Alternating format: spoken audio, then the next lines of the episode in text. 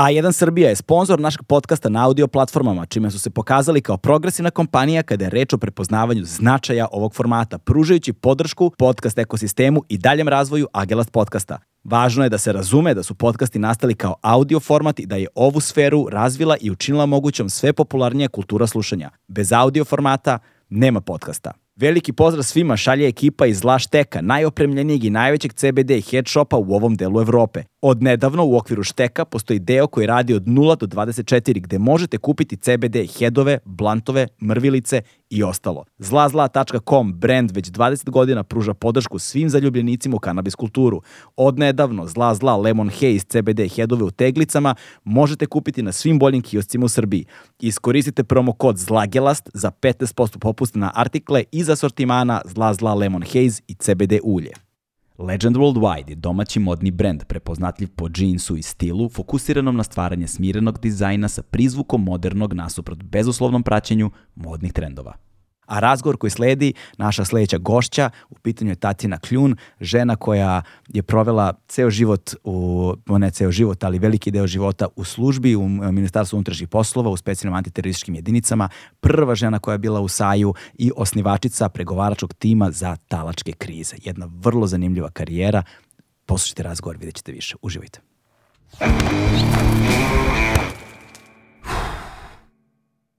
Hmm.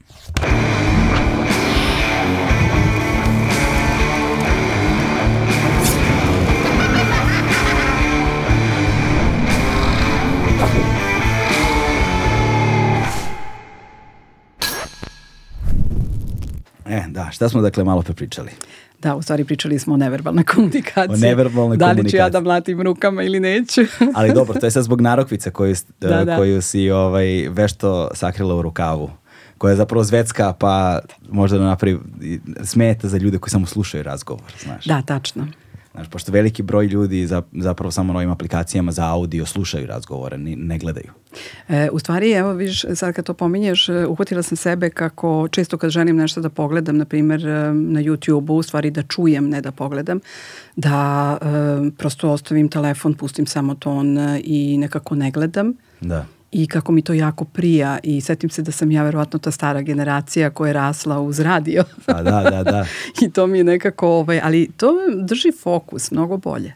A, postoji magija nekakva u audio formatima. Mm -hmm. Radio je svojevremeno imao tu magiju, dok naravno nije, to sam pričao noliko puta, izvinjavam se svima, dok nije formatizovan početkom 2000-ih da. i onda je uh, nestao govorni program sa radio u velikoj meri. Tako je, tako je, mm. tačno to. I setim se, ovaj, nažalost, kad je Gorica nas uh, napustila, da. kako sam uh, zapravo prestala da slušam. Meni je to bio ritual da ujutro, bilo na putu do posla ili kada dođem, makar malo ovaj, odslušam nekako mi i glasovi njihovi da. i ona i Dragane su nekako u takvoj sinergiji bili i teme na kraju krajeva. Da, buđenje, da. Tako je i to mi je bilo, ovaj, ja nešto ne mogu sad da nađem nađem nešto slično što bi me držalo, da. Ok je Dragan, mislim sada je sa, sa Dejanom rade zajedno. Jeste.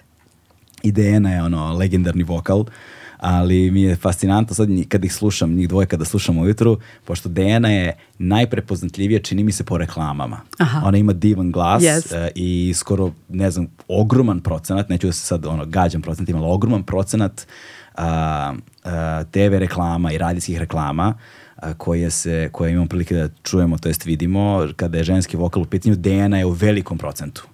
I onda je fascinanta kada ih slušaš njih dvoje i onda se završi segment i krenu reklame i onda opet čuješ njen glas. Tako je i koliko je glas u stvari moćan. Jeste. Jeste, I koliko jeste. to znači na kraju krajeva ove komunikacije to. I stalno ponavljam ljudima koliko puta se desilo da imaš dobar video, ali loš ton i onda ga isključiš. Jeste. Ne možda podneseš da ga slušaš, gledaš duže od ne znam koliko minuta. Ili kad imaš recimo onako, ne, ne baš neki video, ali kad je dobar zvuk, onda oslušaš do kraja. Znači, zvuk je negde važniji, samo zvuk ima tu nesrećnu okolnost da zvuk primećuješ onda kada ne valja. Da, i to je ovaj, recimo u pregovaranju. Mm -hmm. Jedna od osnovnih stavki pregovaranja jeste zapravo ton jeste uh, način kako govorimo, odnosno naša modulacija glasa. Mm. Da budemo svesni toga. Jer to je ono što je mnogo bitnije često od onoga šta ćemo da kažemo. Način na koji kažemo.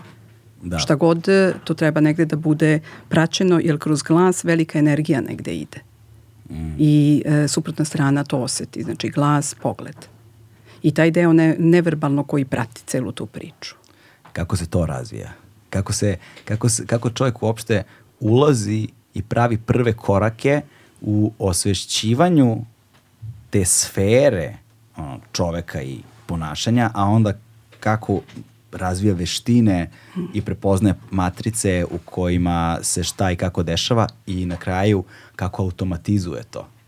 Da, u stvari kako ulazi u osvešćivanje, e, e, e, ja tvrdim da je to bio u stvari obrnut proces. Hmm. Prepoznavanje ideje, konkretno u ovom slučaju kad pričamo recimo o pregovaranju, ono što je 20 godina bio moj posao u državnim organima, jeste ovaj, prepoznavanje e, ideje kao fenomenalne, e, da kažem, metodologije za rad, nešto što treba da doprinese afirmaciji života, nešto što će da zaštiti, nešto što će da pomogne da e, bilo koja situacija ne završi dramatično. I onda prepoznaš ideju i onda se desi naravno ovaj, kao i svaka ideja potrebno je da se edukuješ u toj oblasti jer mi nismo imali pregovaranje do 2002. godine u Ministarstvu unutrašnjih poslova uopšte nismo prepoznavali da postoji taj koncept. Naravno, imali smo biti tih 10 godina, tih nesretnih 90-ih gde smo izašli iz svih mogućih tokova. Da. A onda se desi ovaj, da kako se eto namestilo da odemo na neki seminar koji je zapravo bio vezan i pričao je o pregovaranju i kako pregovaranje zapravo pomaže da se rešavaju neke vrlo ozbiljne situacije i onda što se desi, mi to prepoznamo i kao super i onda kreće obuke.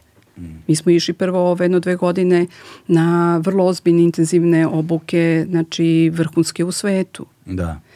I tu u stvari shvatimo da cela obuka, dobar deo obuke zapravo se svodi na nas same. A to je upravo to.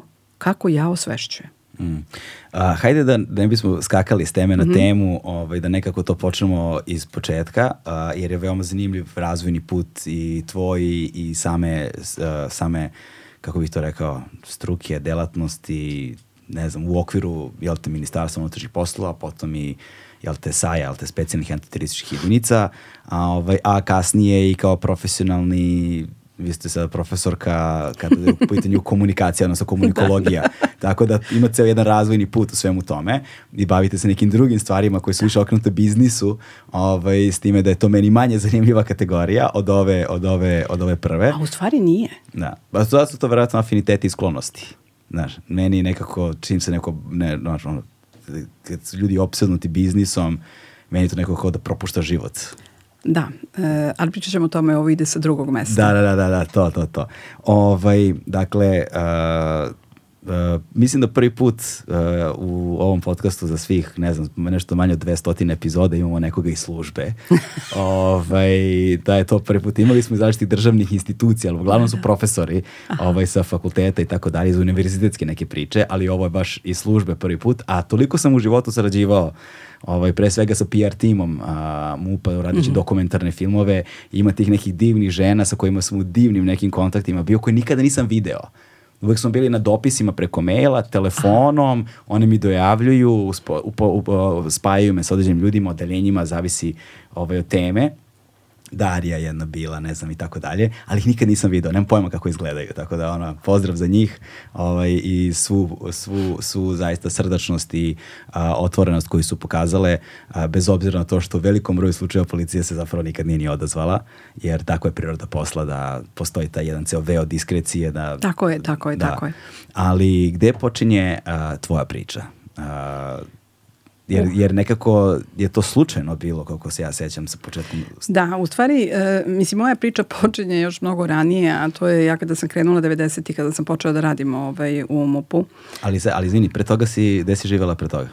U, ba, moj životni put je tu. tu. Da, to... u stvari tu počinje moja priča, pa upravo da, si, da. da. Uh, pošto je moj otac bio diplomata, onda nekako smo mi po svetu ovaj, živeli i putovali. Uh, ja sam sa šest meseci, mislim kao beba, otišla u Brazil, otac je dobio prvu službu tamo i ovaj, bila četiri godine, vratila se par godina u zemlji, onda Argentina, tu sam završila osnovnu školu u stvari do šestog razreda, pa se vraćam ovde i srednju školu u Španiji. Mislim, sad preskačem to, ali u stvari, da, e, taj ta različito sa koji se srećem Mm. Znači prvo različiti jezici koje e, jezici se uče generalno po sluhu kada si mali. Znači da mislim da je to doprinalo da nekako više razvijem taj osjećaj za slušanje, što je, će se posle pokažati kao jedna izuzetno važna stvar u pregovorima i ne samo u pregovorima, u bilo kojoj komunikaciji. Jer pazite, ovo su opšta mesta, nije ovo samo pitanje stručnog. I jezici, upoznavanje različitih kultura, a, a, suočavanje sa time da ono gde si ti, što ti misliš, način na koji ti živiš, jela koje ti jedeš, nisu jedina na svetu. Postoji tu puno različitih stvari i to jako lepih i jako dobrih. Da, da. I nekako se već tu zapravo negde pretpostavljam taj talent koji svi imamo. Ja verujem da svi imamo, jer deca kada se rode, pa vidite ono kad stavite todlere, mislim šta se desi, to je ono da la la. Da, da, da, da. Oni se tu već odmah iskomuniciraju. Kod mene se možda samo ovaj pojačalo. E, kada sam se vratila u zemlju, to je bila 85. 86. Obzirom da sam ja strašno želela da studiram antropologiju, mi to možda ima, eto, objašnjenje zašto sam završila u policiji, da. što je neobično. da, na prvi pogled neobično. Na prvi da. pogled neobično, međutim, e, mislim da tada dal katedre nije ovaj, bilo za antropologiju, bile istorije umetnosti, bilo je neki drugi stvari. Mene to nije preterano interesovalo i onda sam čula za višu školu unutrašnjih poslova, ta viša škola unutrašnjih poslova prethodno zvana viša upravna, to je bio onaj prvi kao stepen pravnog fakulteta, mm -hmm. e, mnogo je jaka bila i ja zapne meni se to ovaj, dopadne. A otkuda baš to?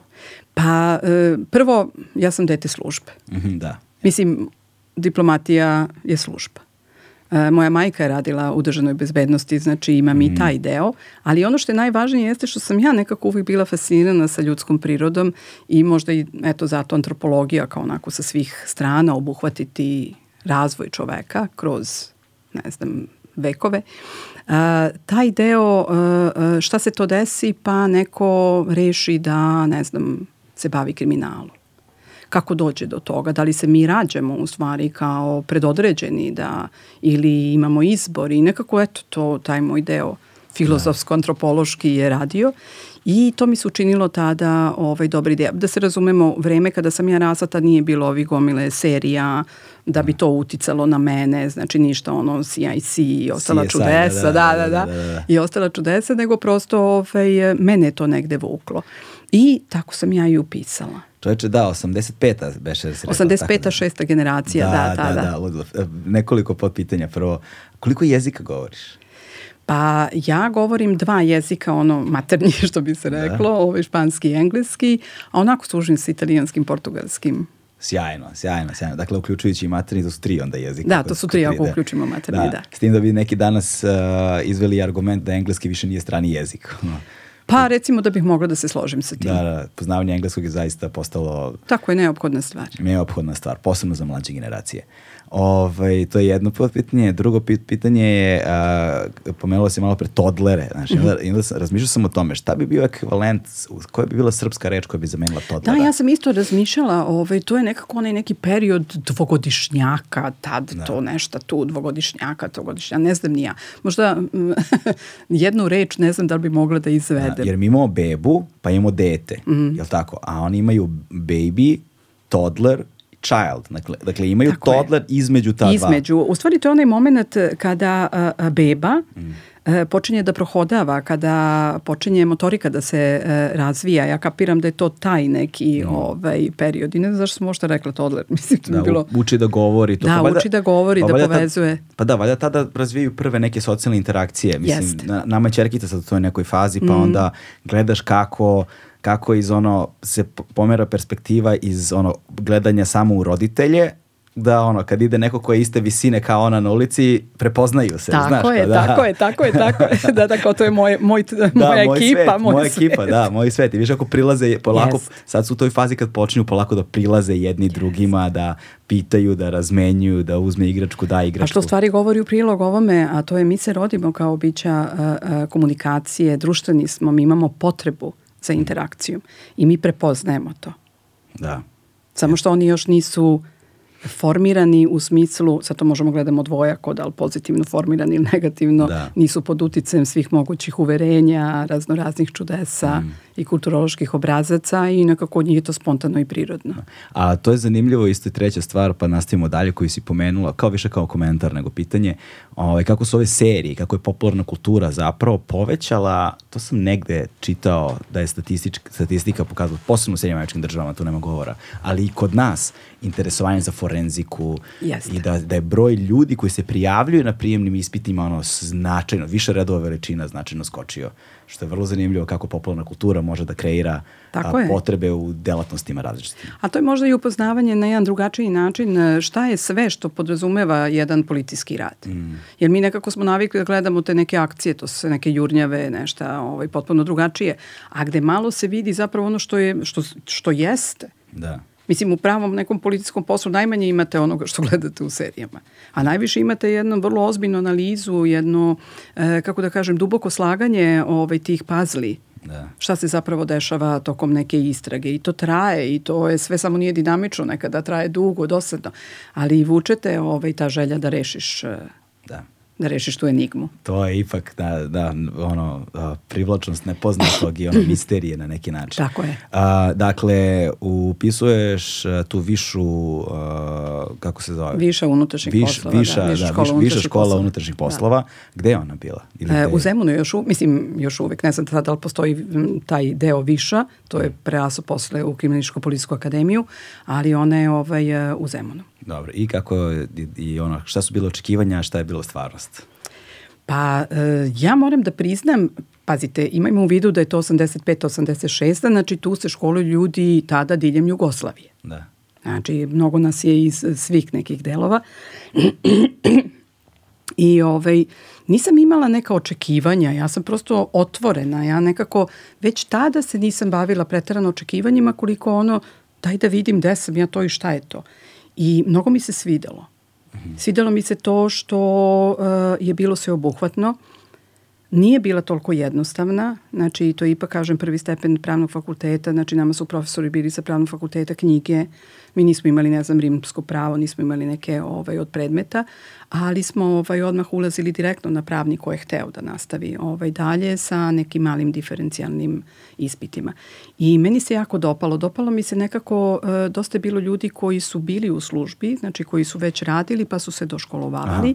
i onda smo imali nekako taj pristup e, koji nije samo akademski, nego smo imali i taj operativni deo kroz e, profesore koji su prvo proveli svoj neki vek u službi pa su onda krenuli da se bave profesurom. Tako da to bila jedna dinamika, nije bilo suoparno. Da. Šta znači operativni deo? Šta to podrazumeva? Pa to podrazumeva da su ljudi radili kao inspektori i tako dalje, a onda kasnije ovaj, mm. se doedukovali da bi mogli da budu profesori i da predaju, što znači imate jednu kombinaciju i ovaj, teoretskog dela, a ima jedna kombinacija koja je vezana za kako to operativno izgleda. Mi smo peti semestar imali praksu šest meseci, znači razvrstavali su nas tada po različitim policijskim stanicama i tu smo ovaj, ono, ruki da, bili, da, da, da. znači dobijemo ovaj, i prolazili smo sve. Aha. Znači, bukvalno smo za tih ove šest meseci prolazili sve šta se dešava i šta se radi u jednoj policijskoj stanici i nekako kada odatle uđete da radite ovaj, baš da se zaposlite i radite u službi, vi ste u stvari jedan, kako da kažem, prilično ovaj, kompletan materijal. Mm. I šta je, kako je izgledala ta praksa? Kako je izgledao taj prvi susret sa praktičnim? Sa praktičnim delom, pa meni je bilo ovaj zanimljivo. I šta, i šta je sve podrazumevalo da. to kad prolaziš sve, sve aspekte? Pa obzirom da sam ja, uh, uh, mislim, dugo živela van zemlje mm. i ono, kad sam se vratila iz Španije, odmah ovaj, krenula to o, da, da, da studiram i meni je bilo zanimljivo zato što uh, prvo što sam naučila, znači kada sam, ja sam bila dodeljena u Zemun mm -hmm I ovaj, bilo mi interesantno, znači odmah sam ušla u to odeljenje za ovaj, suzbijanje kriminaliteta. Prvo ovaj, što su kolege uradile kao najnormalniji deo rituala, to je ono idemo, idemo u neku kafanu negde Bogu iza nogu, mislim, više ne mogu svetim kako se zove. Ja sam tu bila potpuno ono kao iznenađena.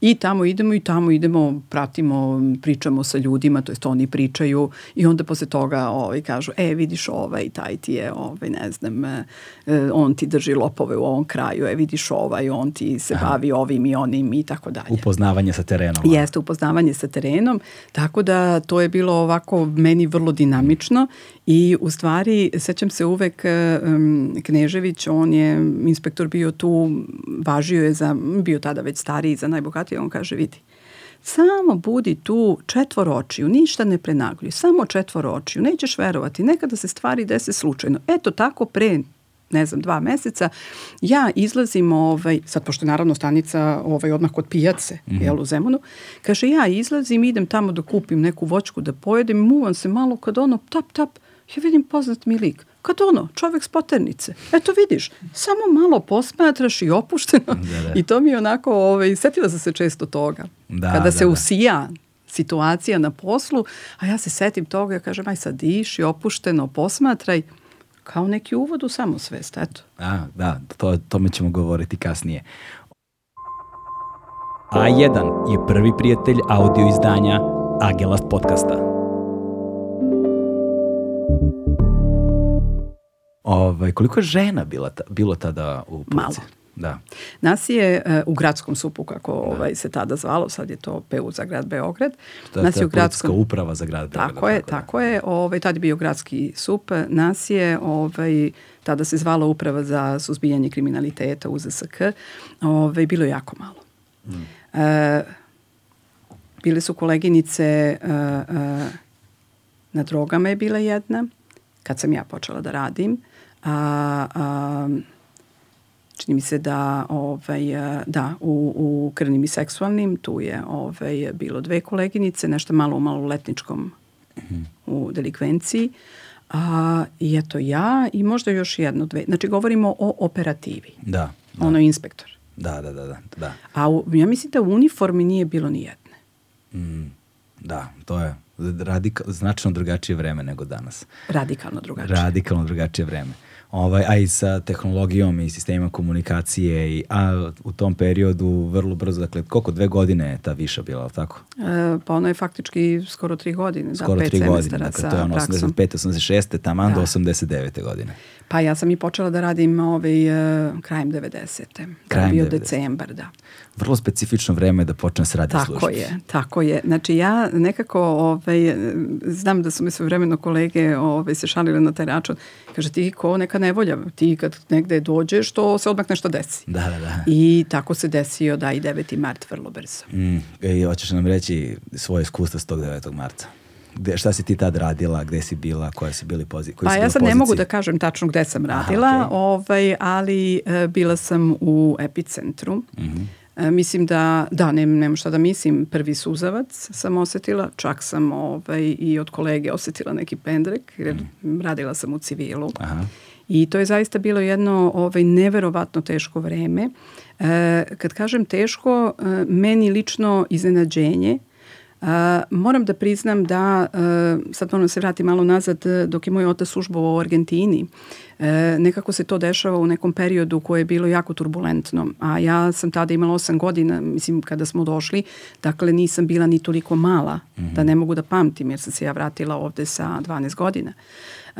Tada se desilo da je to period kada je umro Peron, kada je ovaj Isabelita bila nekoliko meseci na vlasti i došla je vojna hunta. Mm. I u stvari sećam se vrlo dobro uh, koliko je to traumatično bilo uh, tih strahova moje majke, otac koga nema, Um, nama je čak ovaj vojna hunta i upala u stan ne, u nekom momentu, iako smo diplomate i tako dalje i to je bilo jako traumatično neko vreme. I ja mislim da kada se vratim na 90. da je meni to bila neka vrsta retraumatizacije, u tom trenutku toga nisam bila svesna. Uh, E, zato što se svašta nešto uzburkalo što ja nisam mogla, e, u mojim emocijama nisam mogla prosto da razumem šta se zapravo dešava. Mm. Ono što je mene držalo, što bi rekli klinci u vinklu, jeste e, fokus na ono šta je posao. Da, da. Šta je ono što je posao i razumevanje šta je ono što se dešava. Obzirom da se ja vraćam e, u tadašnju Jugoslaviju u vreme kada očigledno je mnogo toga već politički krenulo da se menja, što je za mene potpuno bila jedna nepoznanica. Drugo, e, koincidira i sa time da ja kad sam se vradila dosta brzo ovaj, i udala i dobila dete, to sam završavala školu sa, sa mojom čerkicom ovaj, u naručju i a, nekako se nisam bavila tim delom, nisam pratila, nisam razumela. Mm. Ja sam i dalje živela u uverenju da se vraćam u onu neku zemlju koja je više bila neki mit kroz e, narative mojih roditelja nego što sam ja lično mogla da iskusim. Nisam puno živela tu.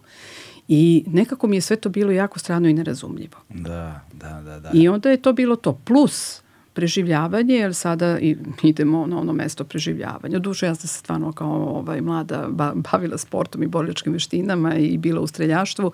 Nije mi taj deo ovaj, bio zastrašujući, ali kao veličina toga šta se zapravo dešava. Pazi, iz ugla roditeljstva, znaš, mm -hmm. posebno kad govorimo o, o ženama, ovaj, biti majka, a, koliko čerka tvoja tada imala? Ja kad sam počela, ona je 87. godine ovaj, znači, imala... rođena, ona imala tri, skoro četiri godine. Todler, dakle. dakle, todler, dakle, imaš todlera koji zahteva ozbiljnu pažnju. Tako je ozbiljnu pažnju. To je ono dete koje, kako je to uh, prijatelj i komičar Srđan Dinčić rekao, kada ima sve fizičke sposobnosti da uradi sve što hoće i ni jedan intelektualni kapacitet da razume posledice toga. Tako je, znači, mora, tako je, tako znači, je. moraš ono da pažnja i fokus, mm. ne smeš sekundu da skreneš pogled z deteta i onda si konstantno oni kvazimodo pozivno savijena kičma, Tako hvata je. juri, ne daj Bože nešto se desi, a ovako se desi. Tako je. Ovaj, a s druge strane i školovanje i služba koja je sigurno stresna tak sama po sebi, potom politička situacija koja proizvodi uh, nemire na ulicama kakvi znamo da su bili, a onda na sve to dodaje da ti kao neko u službi, to borilačke veštine, uh, streljaštvo i sve ono što prati, dakle, kao neku nužnu, nužne aspekte delatnosti. Da. Dakle, da moraš da budeš u fizičkoj kondiciji, u fizičkoj spremi, da razumeš određene situacije, što znači da to nije jednom se nauči, položi ispit i idemo dalje. Tako je. Nego tako je stalno, konstantan rad. Mm. Kao, odakle ti vreme, odakle ti strpljenje, odakle ti snage, odakle ti ono, podrška, ko, ko ti dao podršku. To sve. Da, e, u stvari ja sam stvarno imala podršku moje porodice, e, pomoć maksimalnu koju sam mogla da imam. A, a, moj suprug je stvarno ovaj, učestvovao koliko god je mogao. Mada to idu i godine koje su vezane ne samo za te nerede i to bivanje, nego su vezane i generalno za opštu neku krizu. Mm.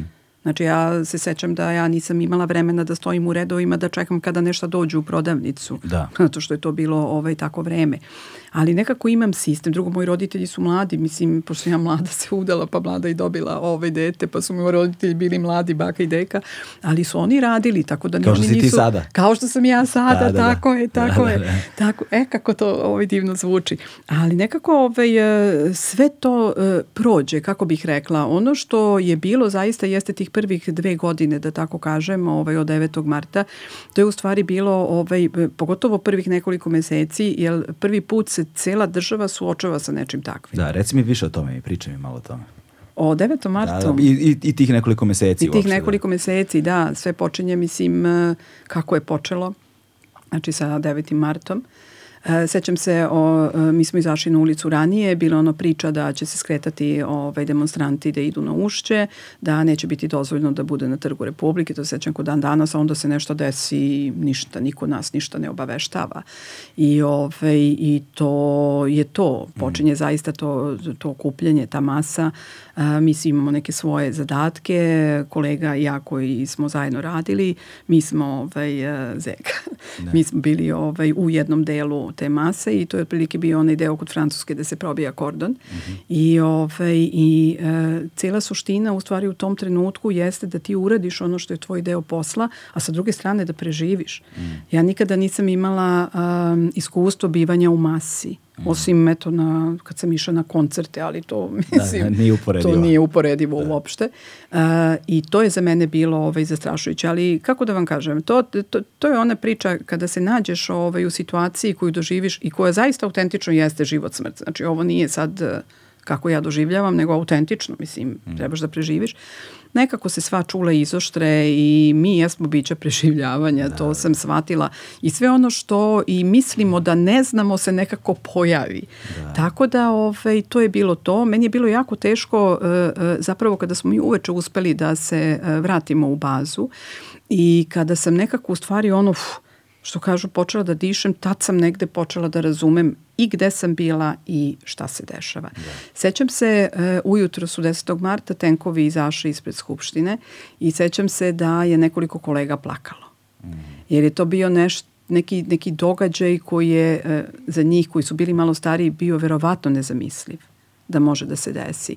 I to je u stvari ukazalo da smo mi u ozbiljnom, ozbiljnom problemu kao da. država. Da, šta su bili tvoji zadaci kao policaj, policajke u civilu? Inspektorka zapravo, ti, ti si bila inspektorka tada? Da. Da, inspektorke u civilu. Tada. Pa neću da vam pričam A, o tome. Dobro, dobro. Moje da pitam. Da, ti slobodno reci šta može, šta ne može. Neću da, da pričam o tome. Ovaj, I onda tih narednih nekoliko meseci, uh, kako su se odvijale stvari unutar jo, stvari same službe? su se odvijale unutar... Mislim, izvini, to je sad, to je sad meni prvi put u životu pogled s druge strane na koji nisam imao ono sada priliku niti da čujem, niti da vidim i onda mi je zanimljivo osvetljavati jednu vrlo dobro poznatu situaciju iz drugog ugla. Znaš ti da ja u stvari shvatam da je ovo prvi put da ja i pričam o tome. Zaista? Da. Eto. Mislim da se nisam vraćala na tu priču ovaj, možda par puta sa kolegama da. nekada, ali baš dugo. I sad nekako vidim kako vremenska dicanca čini da drugačije sagledavam stvari. A znaš koji je danas datum? Danas je, danas je 8. Nije, danas je 8. mart. Da, da, da. Danas je onaj dan kada smo svi mirni u blaženstvu, imamo zadatke i ne znamo šta će sutra da nas nađe. Tako, I onda dođe sutra. Kad se vratimo i onda dođe, dođe sutra, sutra, da. da. E, Ne znam, e, mislim da s aspekta službe e, ljudi su se postavljali kao dobiju zadatke i, i mi razumemo da mi tu trebamo da štitimo javni red i mir u osnovi, ajde da kažem, da identifikujemo da li tu sad postoje neki kriminalni elementi i tako dalje. Međutim, mislim da niko od nas nije bio apsolutno svestan političke pozadine cele te priče. Mm. Nekako, um, možda ovo zvuči sada, ne znam, nesvatljivo, a, ali kada radite taj posao, vas toliko povuče to rešavanje kriminala, vi ste toliko u tome da postanete autistični za neka spoljna dešavanja, za neka veća dešavanja. Znači ta metapozicija da ja sagledavam sada gde se ja i politički nalazim u zemlji u kojoj radim u tom trenutku. I mislim da je bilo veliko iznenađenje, pogotovo za starije kolege. Ja dolazim, mislim, kao stvarno neko ko, eto, nažalost, peče zanat na takav način. Da je za njih bilo u stvari kao neka vrsta buđenja. Da odjednom razumeju da nešto ništa nisu videli da se da. dešava.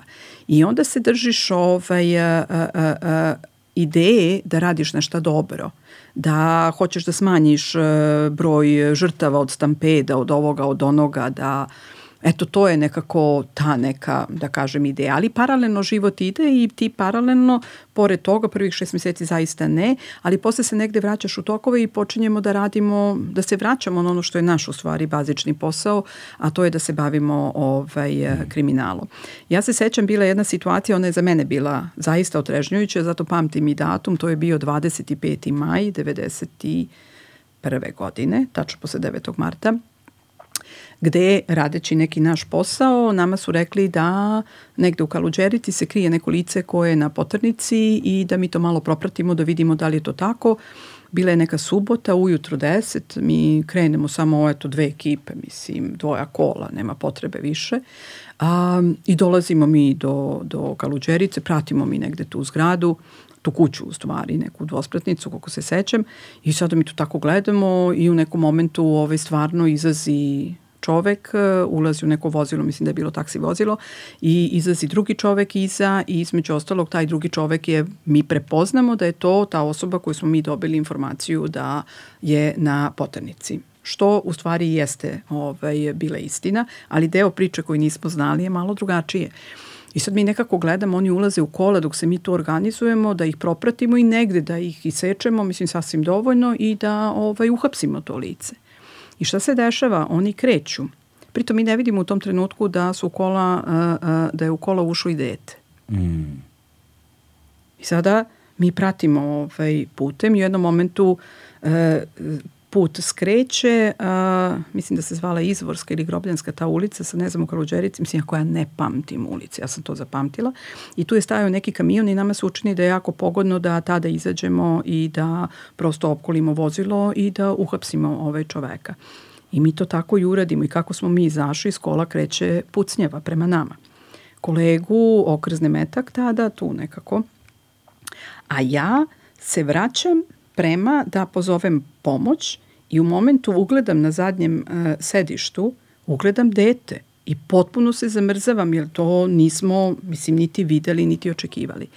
I sad sve u svemu, ovaj, šta se dešava? Dešava se da uh, uh, u tom nekom okršaju da mi naravno se zaklanjamo, to lice koje smo mi tražili krene da beži, um, ja, kolege kreću za, za, za tim čovekom, znači njih dvoje, ja i kolega ostajemo sa detetom, u to se pojavljuje neku odvodi dete, mi krenemo sad da trčimo za našim kolegama, stižemo ih u nekom trenutku i u jednom momentu mi stajemo i ja ovako pogledam oko sebe, ljudi koji žive tu, građani, sa sve, što lovačkim puškama, što vilama, što nekim motikama nas okružili – Mm. I mi sad uopšte ne razumemo o čemu se radi. Mislim, i još uh, mi se legitimišemo, objasnimo, jurimo čoveka sa poternice. A oni nama psuju. A, Miloševićevu majku ovo ono kako smo mi poslati kako režim tu da mi ne znam šta mislim vidimo mi da to nešto nije u redu sad mi objašnjavamo da mi možda mislim mi smo došli uhapsimo čoveka sa poternice da pritom čovek koji puca na nas i tako dalje. Ma kakvi oni ove izgušnjavaju, ja rekao ovo će biti konim filmovima, vila, kuka, motika, odoše glave. I tada u stvari se prvi put i dešava moj susret sa pregovaranjem, jer ja posle kad sam vraćala film, to je to, a to je kako je u stvari kolega krenuo polako da smiruje situaciju, ja sam ga tu podržala, računam ajde vide žensko, to je neobičajeno možda u policiji, pa možda i to ovaj, utiče i kako nekako su e, te strasti ove ispustile i onda su oni odustali, ali naravno mi smo iskubili tog čoveka i tako dalje. Šta je poente? Poente je što u tom pregovoru kada mi objašnjavamo zašto smo mi tu i da mi zaista autentično nemamo veze, mislim, sa Miloševićem, politikom, mislim, to je stvarno ono tada da. bila misa ona imenica u tom momentu, ovaj, da bi oni nama objasnili da je zapravo taj lik koga mi jurimo, čovek koji je bacio molotovlje koktel dal na SPS prostorije tu u Kaluđerici i to je nešto bilo vezano za Ma čak mislim da je bilo vezano nešto za legalizaciju tih nelegalnih e, objekata. kuća, objekata tada. Pazite, to je 91. godina. Mislim, Kaluđerica još nije ono što je sada, ali raste, recimo, tad je to krenulo. Ali ne znam ni koliko je objekta legalizovano tamo i danas. Tako je, ali se ispostavi da e, to dobije jednu potpuno političku mhm. konotaciju. I sada mi se vraćamo i sada naša zapitanost se zapravo dešava. Da li smo mi zaista, prvi put u stvari se pojavlja ono e, promišljanje da li smo mi zapravo poslati tu zaista da uhapsimo čoveka koji je na potenici ili je zapravo bilo bitno zato što je on pripadnik, ne znam, mm. ili simpatizer. Da su ovaj. manipulisali vama. Tako je, tako A. je. I e, to je u stvari nekako ovaj, počelo e, meni kao nekome ko nije preterano ovaj, e, bio upućen u ono šta se politički dešava i tako dalje, da u stvari nekako imamo četvor očiju otvorenih, jel, eto, imate to neko nezgodno iskustvo. Nikada nismo saznali šta je zapravo bilo, ali doživljaj je bio da smo ovaj negde bili izmanipulisani. Da. Mislim da se razumemo, da nam je neko rekao i da je taj čovek uradio i to i to. Mislim, imamo lice na poternici, da se razume. Jasno. Znači, to je, to je jasno ko dan. Ali nekako izostaviti e, značajnu informaciju u tom trenutku kada cela zemlja gori, meni je bilo nekako simptomatično. Simptomatično, da, da, da. I ono što je važno, verovatno, u tom trenutku kada ti se ubaci zrno sumnje, mm. više nije važno da li je istinita informacija Tako ili je. nije. Znači, Počinje je... da se širi vidno polje. Da.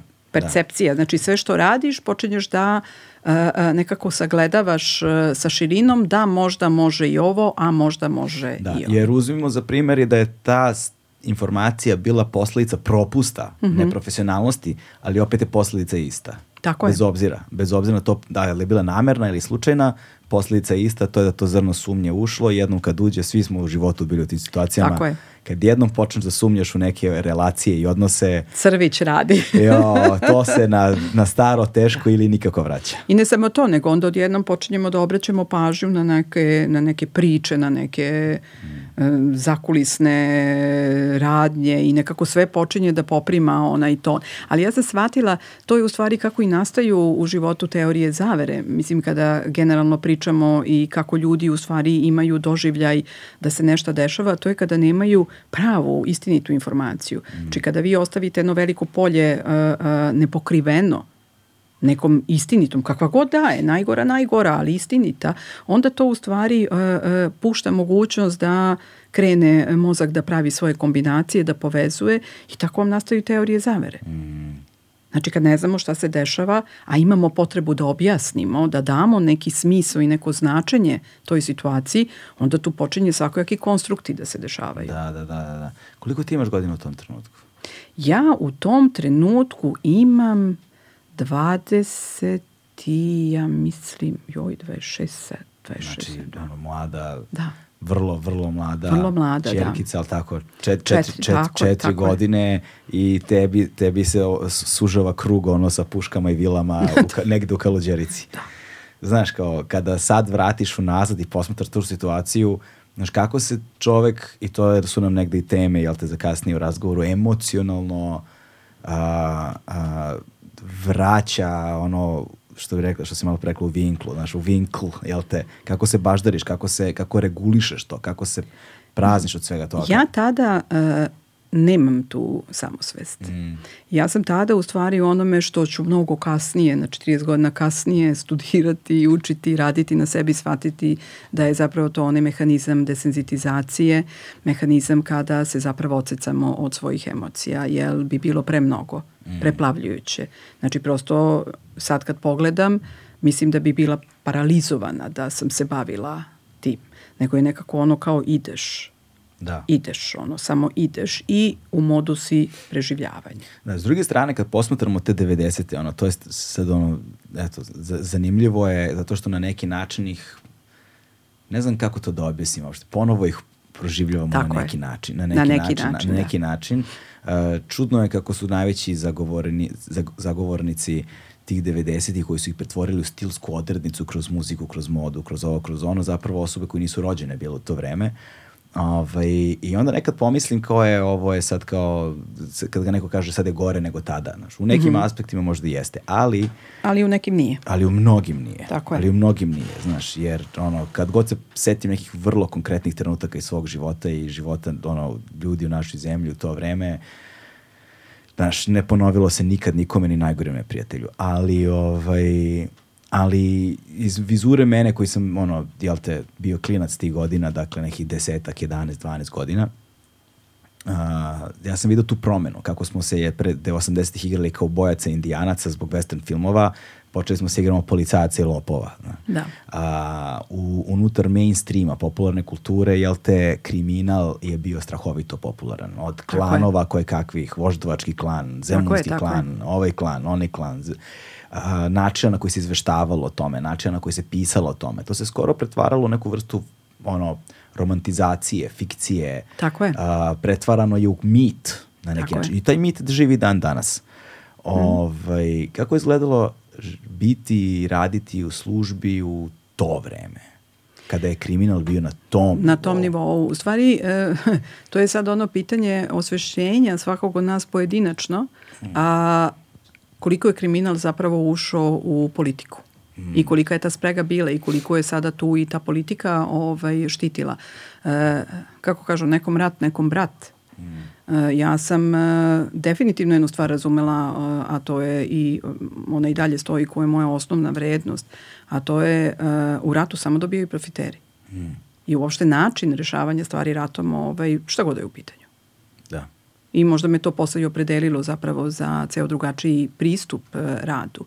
E, da, to je bila roman, romantizirana verzija, da je potpuno okej da ti stojiš na semaforu, da ti neko zatrubi, ti ne stigneš da kreneš, on izađe pa ti izrešeta, mislim.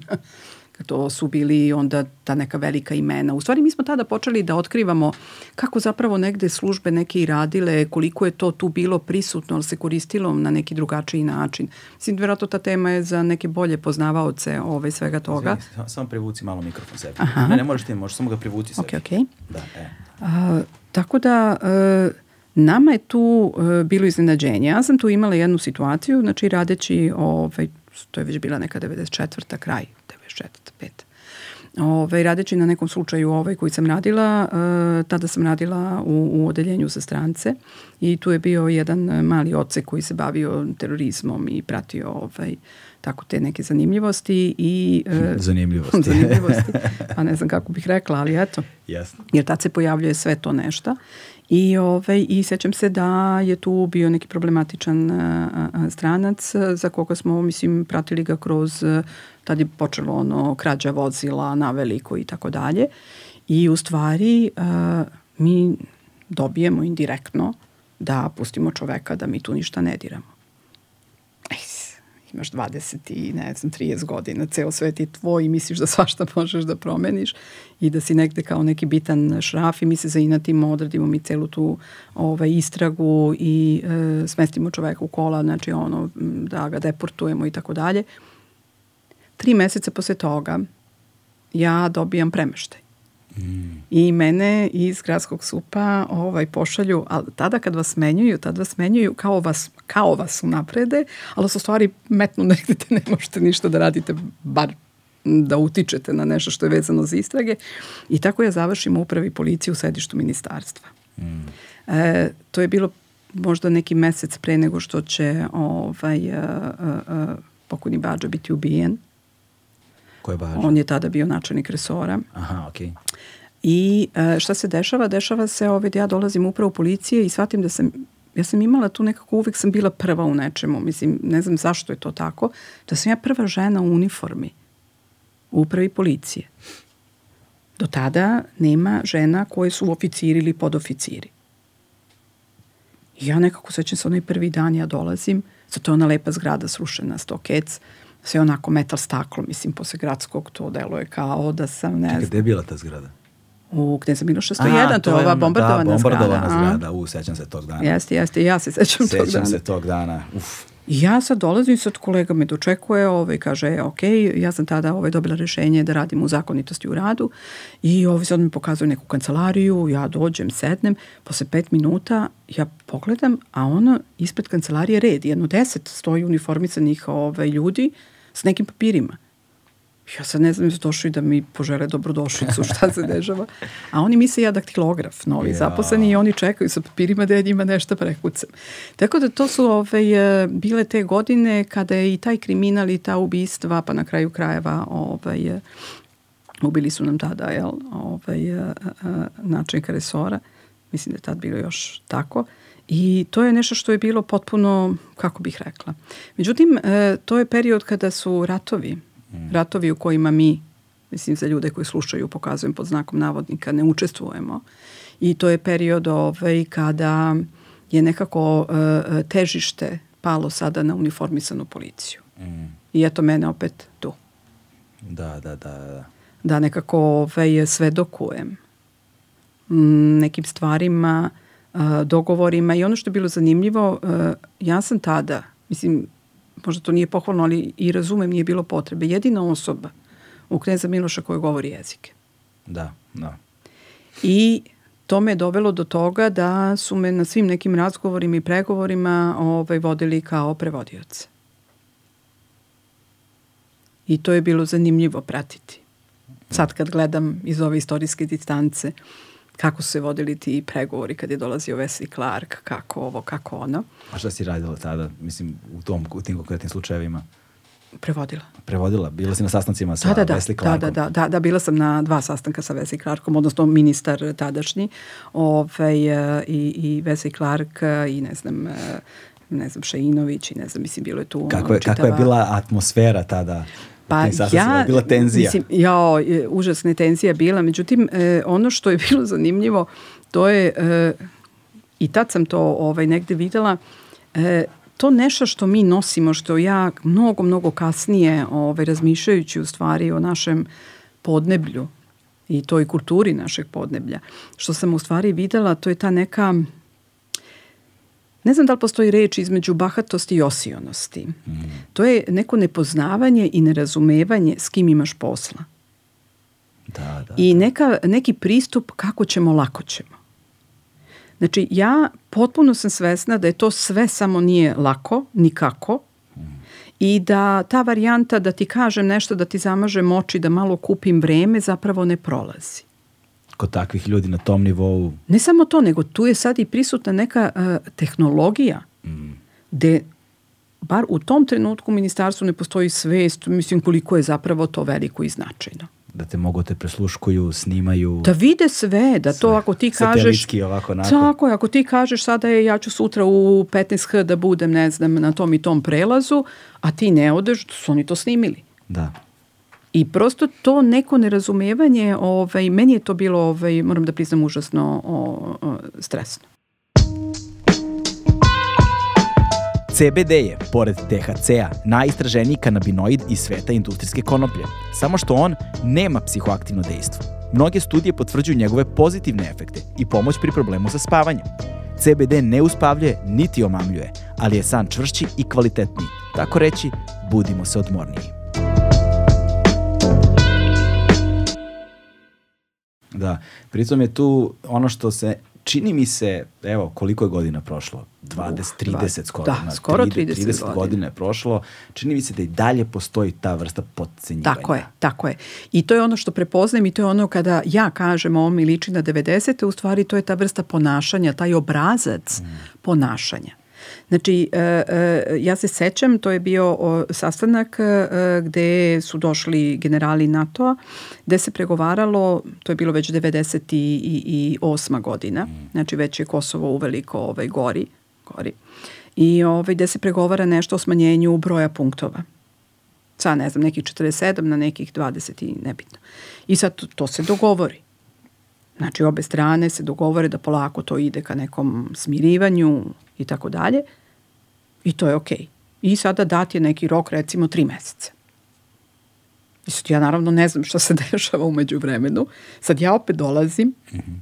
da prevodim i dolazi čitava ovaj svita i uvek se setim tog uh, uh, pokreta uh, Wesley Clarka. On je onako zaista jedan, kako bih rekla, jedna neprijatna pojava. Mm. Ja sad ne ulazim u bilo šta, ali moj doživljaj je da on uh, tog momenta ulazi kao izuzetno ljut čovek. Da, govoriš ono, to je o čemu pričamo, o čemu, čemu, čemu ćemo pričati, taj govor tela, tako je, tako je, tako pojava, prisutnost. Mislim, njegova, njegova lice uh, poker face, ali sve drugo odašilje. I on jednom momentu vadi neki zgužvani papir onako i baca na sto i kaže pa smo se mi dogovorili. A ova strana, naša strana, svi kao, pa, kao da, kao jesmo, kao, kao ne. Pa kaže, niste uradili dogovorili smo se, niste ništa uradili.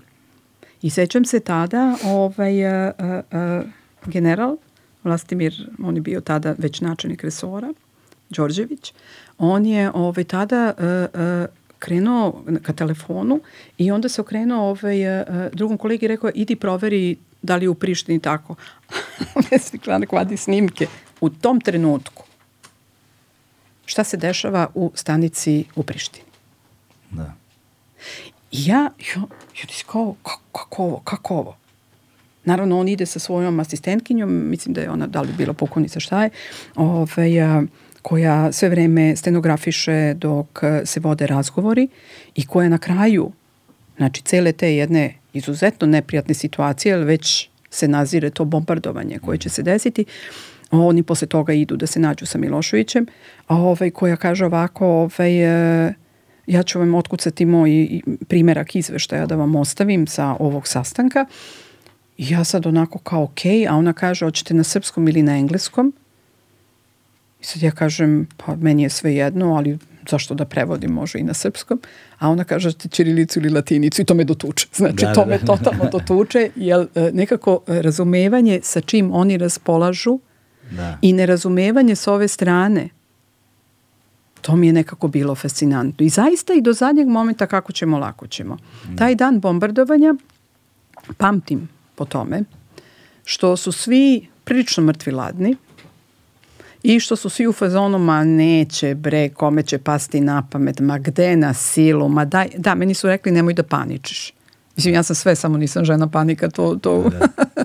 ja kažem, ja ne paničim, rekao, ja vam samo predočavam ovaj, na nešto što će očigledno neminovno da se desi. Znači, niko ne, ne želi da se suočava sa stvarnošću. Mm. I to mi je proletelo kroz glavu, da. Znači, mi smo nekako ljudi koji izbegavaju da se suočavaju sa stvarnošću. Da, to je istina. I sa prošlošću. I sa prošlošću, ali to ide jedno uz drugo. Tako je, tako je. Da, i to, to, si, to si tako u pravu. Gde si bila u trenutku kada je počelo bombardovanje? Kada su čule sirene za vazdušnu opasnost? E, bila sam kod kuće. Da. Znači ja sam, e, čekala sam do 5 sati, e, u Kneza Miloša bi je, jer oni su se setili u 3 kada su već poleteli avioni iz avijana, oni su se setili u 3 da prave kolegijum i kao da prave neke rasporede ali i dalje sa onom nevericom. Da, da. Pazi, avioni poleteli, mi imamo informaciju, slušamo Radio Evropu tada, mislim, sve znamo šta se dešava, ali ne. I ja se sećam da sam ja u pola šest samo rekla, ovaj, ne zanima me da će da bude raspored, javite mi, ja odoh kući, ja imam dete. Da. I, ovaj, I sećam se da sam sratila u prodavnicu a, a, pre nego što sam došla kući i gledam ljude koji bukvalno, zapravo taj deo je meni falio, mogućnost da vidim kako se narod, kako narod to doživljava. Mm. Znači to puna kolica do vrha ovoga, onoga i sećam se da je bila neka gomila nekog mesa koji je neki par stariji vukao, a ja se mislim u sebi, ok, u životu nisam bila u ratu, nisam doživjela bombardovanje, ali moja logika govori, ono sećam se iz ratnih filmova, ono zamračenja, isključuju struju. Pa gde ćeš bre sa tim stvarima koje misliš da staviš u zamrzivač, ono kao šta ćeš s tim? Da, da. Tako da, ovaj, tako da su me ovaj, uvek zezali jer ja sam došla kući ovaj, sa nekim lažnim maramicama, nije ni bilo ničega i sećam se da sam došla kući sa dve boce vina. Sa dve boce vina, da.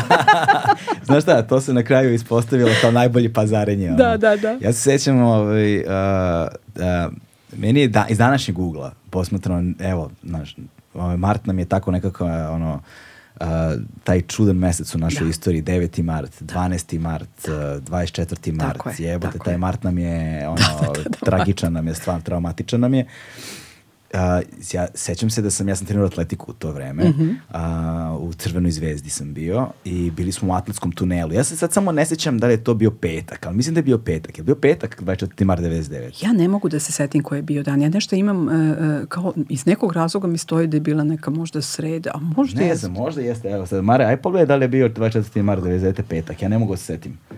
Ovaj, ali mi se, iz nekom, nekom ne, ne znam zašto mi je u glavi da je petak bio. Um, bio sam na stadionu, odnosno u atletskom tunelu smo bili. Uh, znam da je to bilo nešto kasno posle podne, predveče, uveče, neki tako kasniji trening je bio. I ja sam bio u sred treninga, sve je bilo regularno. Naš, iz današnjeg ugla neverovatno običan svakodnevni život. Život, da. Znači, da mi toliko svesti nismo imali, ne. kad u službi nije bilo, zašto bi ne. onda bilo među populacijom. Toliko svesti nismo imali o tome ovaj, da je samo u jednom trenutku meni tada, ja sam koliko ima 17 godina, na primjer, samo u jednom trenutku čuješ nešto što nisi nikad ranije čuo. Da. Sećam se da su bile samo nekad, ponekad su bile neke vežbe u školama, sećam se da su bile tipa da li za Titov rođendan ili ne, tako nešto. Ne, ja sam e, to doživjela, to je ono što mi, ono ide se za famozni mm. ovaj nekada, I ja se sećam, iskreno da vam, meni je to mnogo ovaj, e, značilo u kontekstu kasnije, da. nekako kao da se kao dete upoznaješ sa mislim što ne bi trebalo da se dešava, ali očigledno smo mi u takvom podneblju gde možda i nije loše, se upoznaješ sa mogućnošću da se nešto desi, pa znaš da prepoznaš sirene. Da, da. Meni je odatle ostalo, sećam se kada je ovaj, e, e, kad su bile one uzbune za ovaj bombardovanje, znači za vazdušnu opasnost, to je okej, okay, pa ono prestanak okej, okay. sećam se da se jedan dan desila neka čudno ovaj, zavijanje, čudno u smislu nije ni jedno i drugo, znači ja sam iz malog mozga izvukla da je to za ovaj, hemijsku radiološku opasnost. Da, da, da, da, da, da. I onda sam razmišljala dakle meni to i onda se setim da smo mi znači šesti, sedmi, osmi, prvi razred srednje škole, ono što sam bila ovde,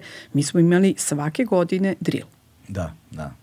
Sirene, prepoznavanje, morali smo naučimo no, ono da se ja da prepoznajemo, da atomski sleva famozni, šta da radiš ako je atomski, gde su ti ove, skloništa, koga pratiš i tako da. dalje. Da, ja se sećam da smo mi imali te neke u školi, to bude neka mm -hmm. sirena i onda mi nešto kao se pakujemo i idemo, ali mislim da je bila i za neku godišnicu, sad ću da lupim, da li ono Titovu smrt ili e, Dan jest. Republike. Jest, Tako je, buje, jeste, jeste, tačno, jeste. E, to je tačno, bilo, tačno, da. Tačno, tačno, se oglasile sirene. Jeste, znaš, e, toliko nešto je bilo, ali, ovaj, a, ali, smo, ali se sećam to i, on, i onda samo smo mirno su nam rekli kao je sada gotove trening i oko šta je ovo što se čuje što je gotov trening, a ne mogu niko da mi kaže. Ja samo znam, ja samo znam da nemam pojma šta se dešava. Blage veze nema i da je trener rekao, je, moramo sad se pakujemo gotovo, dolazi portir kao tera nas napolje, znaš, kao zatvaramo sve. Znam da se ja nisam stigao, ja sam krenuo kao da se spakujem i krenuo u slučionicu da se istuširam. Znaš, mislim, to je taj nivo, ne znam. Tako je, I oni ti gase svetlo i kao, kako tuširanje, ti normalno, ajde bre, beži. I onda sam ja onako sa sve stvarima izlazim, kao, počekaj ljudi da se istu... Ne, apsolutno nesvestan toga što se dešava. Sam ja uredno išao, otišao peške, ta autokomanda, sve nešto nekako je prilično normalno funkcionisalo, sačekao na tramvajskoj stanici tramvaj, Vojvode stepe, krenuo tramvajem gore, došao, sad se, pa sećam se da do trošarine, pa sam na autobus, sam živio od gore, kumudržu, u selu sam gore živeo. Znači idemo, ovaj, i kao stižem kući i onda uh, ono, sedamo, palimo, uključujemo TV i kao gledamo šta se dešava i tad sam prvi čuo i ovog uh, pokojnog, on pokojni Abrama Izraela. Abrama Izraela, Abrama da. Izraela. Jo, to je bila ove nekako, e, evo sad šta znači glas. Da, glas opet. Kako da. sve povezujemo u stvari šta znači glas. Njegov glas ove, je bilo ono što su ljudi autentično doživljavali. Ta energija koju on prenosio. Kada on kaže mrš u sklonište, samo što tako ne kaže. Da, da. Znači to nema, ostavljaš sve i ti slušaš, e, osjećaš da je to potpuno e, u svrsi e, tebe mm. i tvog opstanka. Da. I nekako smo imali osjećaj, to je zaista ja negujući zapravo, deluje paradoksalno, ali jeste ja negujući moment, isto tako kada on ovaj oglasi da je opasnost krenula. Ali to prvo večer je bilo stvarno neverovatno, zato što, mislim, ja jesam u službi gde čuješ i eksplozije i pucaš i sve je to okej, okay. ali nekako moram da priznam da sećam se taj prvi udar mm. kada je bilo, znači meni se telo da iskoči da, iz da, grudi. Da. I ja sam samo razmišljala šta raditi, e, sklonište, dane, znači ja sam na Voždovcu tada da. ovaj, živela, tamo su moji roditelji ovaj, živeli i sada tamo imamo u nekoj od tih zgradica je kao ovaj, dole predviđen taj podrum kao prostor da bude neko sklonište. Znači, kao ono, da li da idem, da li da ne idem, Pa onda da, počinju i ona egzistencijalna pitanja, znaš, mislim, ako treba da pogidem, ovo je u stvari kako da poginem i tako. Da, da. E, s aspekta e, službe, znači, e, naravno kad je prošao i taj prvi, drugi dan, treći, tu su već krenuli ovi da se organizujemo. Kod mene je neformalni bio neki štab, kod mene, kući, nije to trajalo dugo, ovaj, e, gde smo doneli neke kompjutere i tako pisali nešto, ovaj, e, ljudi su se razmileli, Pa to je bio neki period kada, ne znam, nešto da. mi se čini da je ta nesnađenost ovaj, bila poprilično prisutna. Da, da, da, i to je neverovatno. I ta vrsta nesnađenosti, nerazumevanja, mm. ni s kime imaš posla, ni i podcenjivanje tog nekog, podcenjivanje, podcenjivanje tog drugog kao neobrazovanog, glupog, nesposobnog, verovanje u sobstvenu superiornost tako i je, snagu. Tako, pa tad se pojavljuje taj narativ o nebeskom narodu, da, u da. stvari, da. on gde se i generiše tih godina. Da, to je, to je neverovatno. I koliko je to živo i dan danas. Tako je. Sad, mislim, možemo mi, verovatno tu postoje ove ljudi koji se mnogo drugačije i dublje bave mm. time, A, a mi u stvari negde ponavljamo jedno te isto. To je, e, znaš, e, one polarnosti u psihologiji, znaš, mi smo bića moći i nemoći. I sada kako funkcioniš u polarnosti, ako mnogo stojiš na poziciji moći, znači ne uvažavaš onaj tvoj nemoćni deo, to ti je kao klatno. Mm. I ti si tu.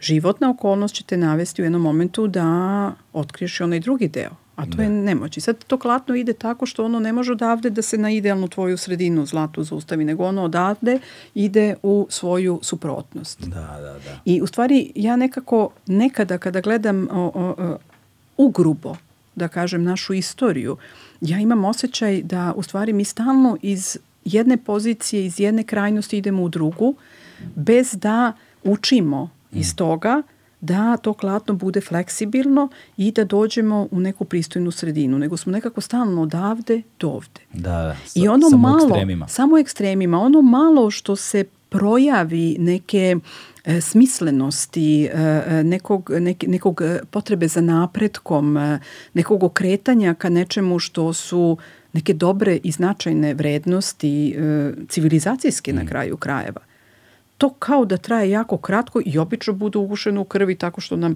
ti vladari u kom god periodu da su se pojavljivali nekako ovaj, su kratko trajali, iako je tad bio neki najveći prosperitet. Da, da, to što kažeš. Ovaj, sad razmišljam kako će to klatno ovaj, sa tržištem nekretnina da nam se u jednom trenutku... A, to je posebna priča. Ajde to, da. Jeli, Mare, koji je dan bio? Nisi pogledao? Pogledao sam srede. Sreda je bila, eto, ja meni je ostao petak. Sreda, ma, sreda a, mali znači, petak. Sreda, ipak sam ja Sreda, bila jeste, upravo. Evo, pravo, znači tako. ja stalno pričam kako ništa ne pamtim, ne pamtim, ne pamtim godine, ne pamtim i zaista to, je neki fenomen, verovatno negde neki autoklin Mm. se pojavljuje u mojoj glavi, da e, te neke nere, za mene irelevantne informacije ovaj, dilitujem, ali recimo pamtim taj 25. maj, pamtim ovaj da je bila sreda, znači postoje događaji koji su vrlo duboko Da. uticali. E, ovaj, da se vratimo sad malo fokus sad, sad na tebe. A, dakle, ti si, te, te, tebe prebacuju, dakle, uh, bila si to u uniformi, u Jeste, bila upravi, sam, jel te? da, da, da, u E, upravi policije. Ovaj, I zbog poznavanja jezika si prisustvovala, dakle, svim tim Da, ne svima, ali, ne svima, ovaj, ali, da, ali velikom nekim. broju tih za, zbog uh, pregovorima razno razne stvari koje su ide, i prevodila. Zapravo mi prvi put imamo strance da ulaze u policiju, jer do tada to nije bilo, mislim nije to bilo Da. e, bivša e, Jugoslavija, mislim to je, su savezni organi držali, pa je tu bio neki Interpol, oni su nešto komunicirali, ali to nije bilo ono kao ti A komuniciraš. bila je veća i moćnija zemlja i Tako nije je, sve je bilo dozvoljavala- drugačije. Da, i nije dozvoljavala tek tako da im neko uđe unutra. znaš Tako je, šta? tako je, tako je, i taj, i to, taj novitost je bila jako. Da, vidiš, vidiš, ovaj, nisam razmišljao o tome. To je prvi put da su stranci ušli To je fizički. prvi put da su fizički stranci ušli ovaj, u, u naše, ajde da kažem, prostorije. Da, da, da, čoveče, kako, šta se sve dešavalo u to vreme. Mhm. Ovaj, zbog, zbog svog obrazovanja, zbog poznavanja jezika kao prva žena u brojnim slu, u službi, unutar brojnih a, aspekata službe gde si bila, nekako su te stvari navodile ovaj, ka, ka, ka jednom vrlo specifičnom smeru ovaj, onoga o čemu ćemo da pričamo. Čekaj, jel samo pitanje, jel se saj desio posle ili pre toga? Ne, ne, ne, sad se dešava posle, sad se dešava, aha. evo, što bi rekli, pred kraj moje karijere, A, maltene, dobro, dobro, ovaj, okej. da. I ovaj, a, a, ti si zapravo osnivač, osnivačica a, pregovaračkog a, specijalnog tima, specijalnog pregovaračkog tima za talačke krize, je li tako? U stvari nisam ja. Znači, ja sam samo jedna osoba od nas nekoliko Mhm. koji smo ovaj, celu tu ideju pokrenuli. E, okej, ajde sada ka, kako dolazimo do toga? Dakle, od ovog A. trenutka kad ti prevodi, od ovog trenutka kada se... kad ja traži- prevodim kako se dešava? Kako se dolazimo pa do evo, toga, da. dešava se tako da ovaj, te neke 2000. godine posle peto oktobarskih promena Mhm. a, policija počinje u stvari da se ponovo uspostavlja. Ajde da kažem tako, to je nekako neki doživljaj. A, prvo se stvara grupa Poskog, posle toga ovaj, to prerasta u upravu za borbu protiv organizovanog kriminala i tada... To je pre nego što je postala SBPOK. Pre nego što je postalo. Prvo je bio UBPOK, to je 2001. godina. I ove, mene zovu da se vratim, što kažu nas koji smo tako iskomunicirani bivali negde, ovaj, da se vratimo i da radimo ono što, zašto smo se školovali, mislim ja sam završila umeđu vreme policijsku akademiju i tako dalje, da se mi vratimo na naše poslove. I ja tako isto budem ovaj pozvana da dođem, znači UBPOK se još nije zvanično formirao, nas je bilo jedno 20 već koji smo krenuli da radimo i da nekako postavljamo te temelje. Što me opet ovaj podsjeti da eto i to je nešto prvo. I tada se u stvari formira uh, ta, uh, jer sad razumemo da je svet ipak povezan i da radimo organizovani kriminal i da je to u stvari inostrani element. I da mi ćemo sarađivati sa stranim policijama, sa kolegama iz različitih drugih država i tad se između ostalog organizuje tu i međunarodna operativna saradnja u kojoj sam ja radila zbog između ostalog poznavanja jezika. Tako da to je ono ovaj, eh, što je bio moj posao, znači da pratim te istrage, da povezujem te strane ovaj, eh, faktore u istragama i tako dalje. Mislim, to je vrlo, vrlo lepo bilo. Da. Moram da priznam, ovaj, tih 12 godina je meni stvarno bio ovaj, jedan najljepših perioda u policiji, jer se sve nekako dobro dešavalo. E, do ubistva premijera Đinđića. Posle toga se još uvek nešto dešavalo na Leru, ali se već moglo videti, pogotovo mi stariji koji smo jednom prošli, ovaj, to, to prepoznaješ u, pre nego što se manifestuje, već da. ga osetiš u vazduhu, ali nekako ovaj, je policija iša napred. Menjali smo zakone, harmonizovali, a, a, uvodili sve ono što smo propustili, to je veliki posao bio, sve ono što, što se dešavalo na polju kriminala, novitete, pa ti odjednom imaš uveliko neki high-tech kriminal u svetu, a mi, mislim, 2000-te izašli razoreni. Da, da, da. Ne znam on ide se uključuje kompjuter, a ne pričamo o nekom high-tech, e, tamo već ucene vrše, mislim, u, u ne znam, ovim valutama, kriptovalutama. Da, da. Tako da prosto da se vidi gde smo negde bili. I u celom tom, e, e, tom naletu, da. između ostalog, puno obuka je dolazilo, koje su nam ovaj, e, e, strane policije donosile i organizacije. Između ostalog došla i ta neka obuka gde je nešto pisalo tipa, ne mogu da se setim tačno, ali kao nešto ovaj, e, pregovaranje, psihologija, terorizam, organizovani kriminal, otmice iznude. Nešto je tako bilo ovaj, i sad kod nas je u policiji bio princip kada ne znaš kome je to upućeno, ti onda to pošalješ svima, pa da. ono, tako da to je dobio i, i, i UBPOK, i dobio i SAI, dobila i služba za psihološku podršku, dobila žandarmerija, on dobio PTJ, tada još postojeći, znači prosto to. I sad... Šta je PTJ? E, tada protiv terorističke jedinice, znači SAI i PTJ. Da, da, da. Sad su međovani svi u, u SAI. Da. I onda je to bilo zanimljivo, jer eto, i sad sećam se načelnika ono tada, ovi koji gledaju kao, pff, hajde kao da pošaljemo pa kao ajde i sad pošto tamo piše nešto i otmice i ovo i ono, pa oni pošalju između ostalog ovaj, dvoje kolega koji rade na otmicama, pa ne znam iznudama i tako dalje, mene pošalju, ne znam da li je još neko bio ovaj, obaveštajac jedan, to je bilo ono kao UBPOG, SAI pošalje ovaj, tada zamenika komandanta kodno da vidimo o čemu se ovde radi i o čemu to. Dođu dva psihologa uh, iz uh, protivterorističke jedinice i jedan ovaj, operativac. Dođe iz NKTC, tad nije bio NKT centar, ali mislim da i tad... Šta znači, je bilo NKT? Nas, to je ova naš, naša forenzika. Aha, a tad okay. se to drugačije zvalo. Ma bilo nas je jedno, recimo, 15-ak 20. Ok, I, i sad ono iz nehata sasvim slučajno sa, sa, okupe odličnu ekipu. ja odgovorno tvrdim da se sve fenomenalne stvari dešavaju slučajno kao verovatno i sva ova otkrića koje su nas dovela mm. do 21. veka u tehnološkom smislu ovakve kakvo znamo, tako se desilo i to. I mi u stvari odemo i u momentu shvatimo, jer tu cela priča u stvari je vezana za e, pregovaranje kao metodologije rešavanja konfliktnih e, i teških situacija, između ostalog i otmica i iznuda. Mm -hmm, Sada, pre nego što nastaviš tu priču, ono što me stra, strašno zanima jeste, dakle, se vratimo nekoliko koraka unazad, ok, nećemo pričati o 5. oktobru, ono, te priče su toliko puta ispričane, ali, a, ovaj, a, s obzirom na to da, eto, kada je Wesley Clark dolazio, je bilo prvi da neki stranci ulaze u prostorije.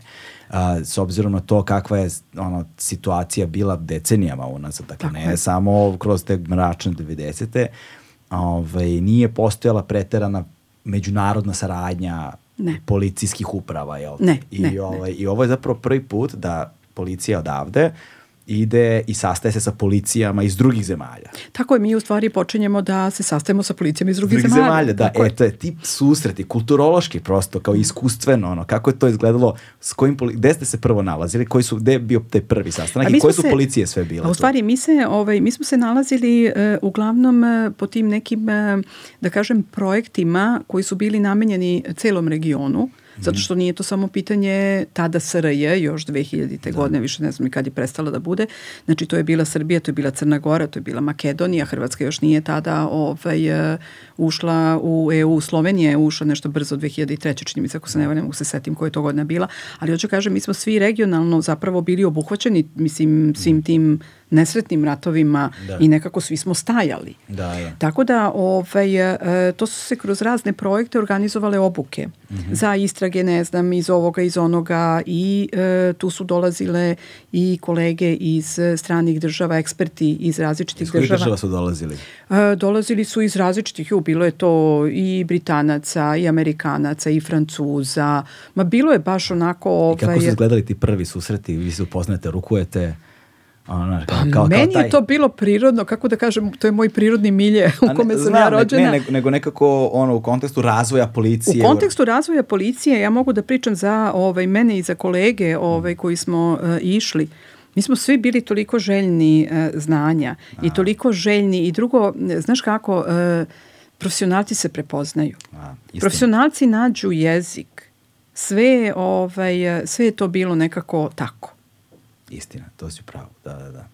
Da, zato što sad ja razmišljam o tom odnosu kao sad, jer ja jer znam kad negde ono, profesionalno sa firmom i to kad sam, sam prvi put počeo da putujem, a to su opet bile neke rane 2000-te, znači onda se srećeš sa kolegama, ovaj, postoji neko obostrano interesovanje, Tako barem oni koji, koji znaju za, za tvoju zemlju, dakle dolaziš i sve, postoji obostrano interesovanje, s jedne strane si ti u fazonu, wow, kao šta sve ima novo da vidim, Tako je, tako ali s druge je. strane njihovo, jer nisu imali pogled naš, na ove prostore, Na ove sem prostore. onoga što znaju iz novinskih naslova i vesti. A to ćemo da ostavimo po strani. pa da, a to ostavljamo po strani, ali onda postoji ono intimno lično interesovanje kako je Tako tamo, šta se dešava, Ali kako ono što mogu da funkcionišete. ispričam... Na tu ovaj, razmenu mislim, da. e, to jeste ovaj, i toga je bilo, to je nekako bilo lakše. Međutim, ono što je meni ovaj, uvijek bilo interesantno, to je kada, na primjer, e, mislim da bi to bilo 2001. druga, više ne mogu da se setim, i sada osnovana je neka prva kao neka pogranična komisija, nešto tako ovaj, za ovaj pogranični e, organizovani kriminal i u, to, u tome sam bila i ja sticam okolnosti i između ostalog to je sa kolegama iz Hrvatske. E sad, e, e, pazi, mi sad pričamo ovde o ratovima koji su poprilično ovaj, bili skoro i o celom tom nekom užasnom, mislim, ne znam. E, međutim, generacijski smo e, i s jedne i s druge strane mi negde tu. I a, imamo neke slične poglede na svet. Znači, nema u mom slučaju, a zaista me to ne interesuje nacionalnost, ovamo, namo. Za mene ili si ok ili nisi ok, si dobar ili imaš vrednosti ili nemaš. Mislim, moje vrednosti Jasno. su takve. I sada sećam se da e, tadašnji načelnik e, Vukovarsko-Sremski, kako se zove ovaj oblasti, kako su se oni već tada bili, ovaj, e, e, e, mi smo imali nekoliko sastanaka i sve to i sad između ostalog ono dogovaramo kako ćemo i tako dalje i sve to zaista protiče, mislim, vrlo profesionalno i svi želimo da vratimo, negde se vratimo u normalu, da prosto ono, neku, da. da dišemo i tako dalje. I sećam se ovaj da, e, kaže on ovako, e, Tanja kao ovaj, e, trebalo je da se ide u Sloveniju, to jest e, e, trebalo sam da idem u Sloveniju, ne, ne, ne mogu da setim šta je bilo ovaj, ne, neki od e, nekih sastanaka, nešto, neka konferencija vezana za organizovani kriminal i kaže on, nemoj slučajno ovaj, kao kad budeš išla da ne svratiš da popijemo kafu, mislim, jel prolazimo kroz Hrvatsku, jel da bismo išli u Sloveniju. I sećam se kolega ja smo krenuli Ja sam se javila, rekao vidi, žurimo, rekao ovaj, stvarno, rekao ovaj, ne možemo, rekao žurimo da stignemo, međutim on pošalje patrolu i ne dolazi u obzir, imate da dođete i on nas vodi na ručak koji je organizovao u Vukovaru. Mhm. I sada mi dolazimo, ja prvi put vidim Vukovar koji izgleda kao 90, pretpostavljam i treće, četvrte, kako je već izgledao, one grozne scene iz filmova. I jedino šta su već počeli da renoviraju, to su prvo re, počeli da renoviraju okolo po tim selima kuće i tako dalje, ali sam centar Vukovara je potpuno razrušen, znači kamen na kamenu ne stoji i to što je bila verovatno robna kuća, šta je već bilo, to neki središnji deo, e to je se isto renoviralo i tu se nalazi između ostalog ovaj, i restoran. I sada mi dolazimo tamo i ništa sednemo, sad krene priča, a televizor stoji sa strane. I sad krene ovaj priča, mi nešto pričamo kako ćemo, gde, ne znam, eh, poslove naše, kriminal, eh, kako ćemo da sarađujemo, kako ćemo mi sada to sve. I u jednom momentu sa televizora se čuje, ja mislim bio Šešelj, koji priča da ne odustajemo mi od kavovac, kavobag, vitica, ovo ono. Odjednom, tajac sa stolom. Dnevnik, Da, jel, da. prenosi. A kolega Marijan preko puta ovako jede supu, pogleda mi i kaže, a čuj stara, da mi ne renoviramo ovaj Vukovar još. I ja se sećam, ja sam tada htela da umrem od smeha, ali u suštini sa onom teskobom da, koju sam da. osetila, da smo svi osetili, a to je sa kakvom lakoćom mi nešto što, ne znam, eto tako, da, uništimo. Da kako kaže, ovaj, najkraći put između dve tačke je prava linija, Prava. a najkraći put između dva čoveka je humor. Da. Znaš, to Ali to je onaj crni humor, to je u stvari onaj deflektivni humor koji te održava, znaš, u životu pred uh, uh, težinom uh, nečega što imaš iskustvo da je jako, jako loše i da. u svakom pogledu, znači na svakom nivou i nekako mi je ta anegdota ostala onako mm. kao neka vrsta metafore za Balkan. Da, da, da. Ali sposobnost da se šališ na svoj račun i uopšte da, da teške situacije izraziš kroz humor je govori o veličini jednoj. Osim u privatnim životima kada je to mehanizam.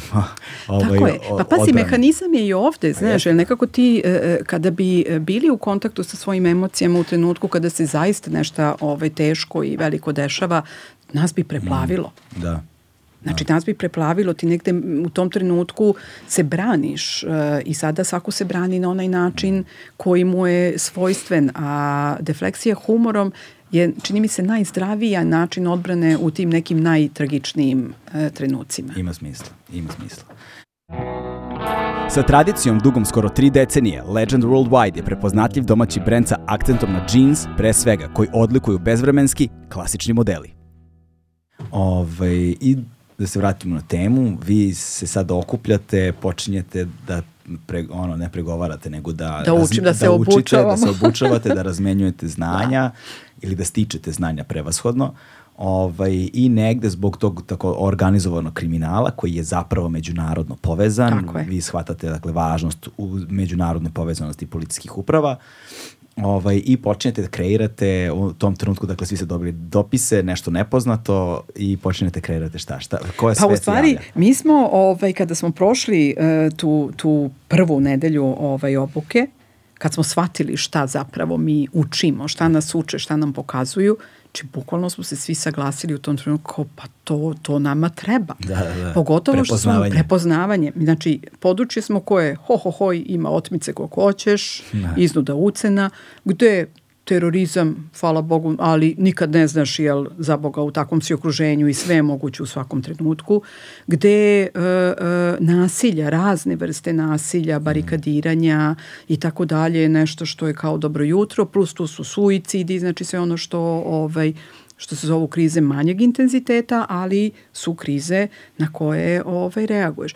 I tada ovaj, smo u stvari se toliko uh, uh, zainteresovani i onda je svako u svom, da kažem, uh, departmanu preneo tu ideju kako je to super, kako ovo, kako ono. E, kako hoće e, sreća da nas prati, to je u trenutku kada smo mi u toj ekspanziji, e, kako da kažem, niko to ne uzima nešto pretarano za ospinu niti se time nešto pretarano bavi, nego kao ako ste vi rešili vaše slobodno vreme se igrate s time što se mene tiče, to je okej, okay. otprilike to bi bilo prevod i kao samo vi to ovaj, eto, radite i to je u redu. Da. Jer niko ni ne razume zapravo šta je to. Ali s druge strane, ta nezainteresovanost nadležnih vam je ironično dala slobodu Upravo da se time to. zapravo bavite. Upravo to. I onda ste mimo njihove sposobnosti da razumeju kreirali nešto što je njima bilo važno. Tako je. Da. Što se posle ispostavi ovaj da dalje. Se time niko ne bavi, niko ni ne razume, jer nikada nije imao iskustvo kako to izgleda u jednoj realnoj situaciji. Šta zapravo mi to radimo? Kako mi to eto doprinosimo na bilo koji način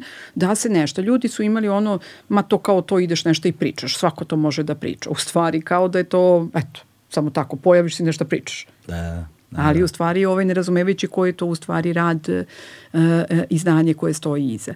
I mi smo tako ovaj, prolazili kroz razne uh, obuke, između ostalog ovaj, uh, pitanje je bilo i modela zato što uh, kod pregovarača, znači u svetu imamo različite modele. Imate uh, ono modele gde su pregovarači u sklopu specijalnih jedinica, mm -hmm. pa onda idu za šta god treba ali služe prvenstveno ovaj, za ono zašto je specijalna jedinica namenjena, znači za te visokog intenziteta.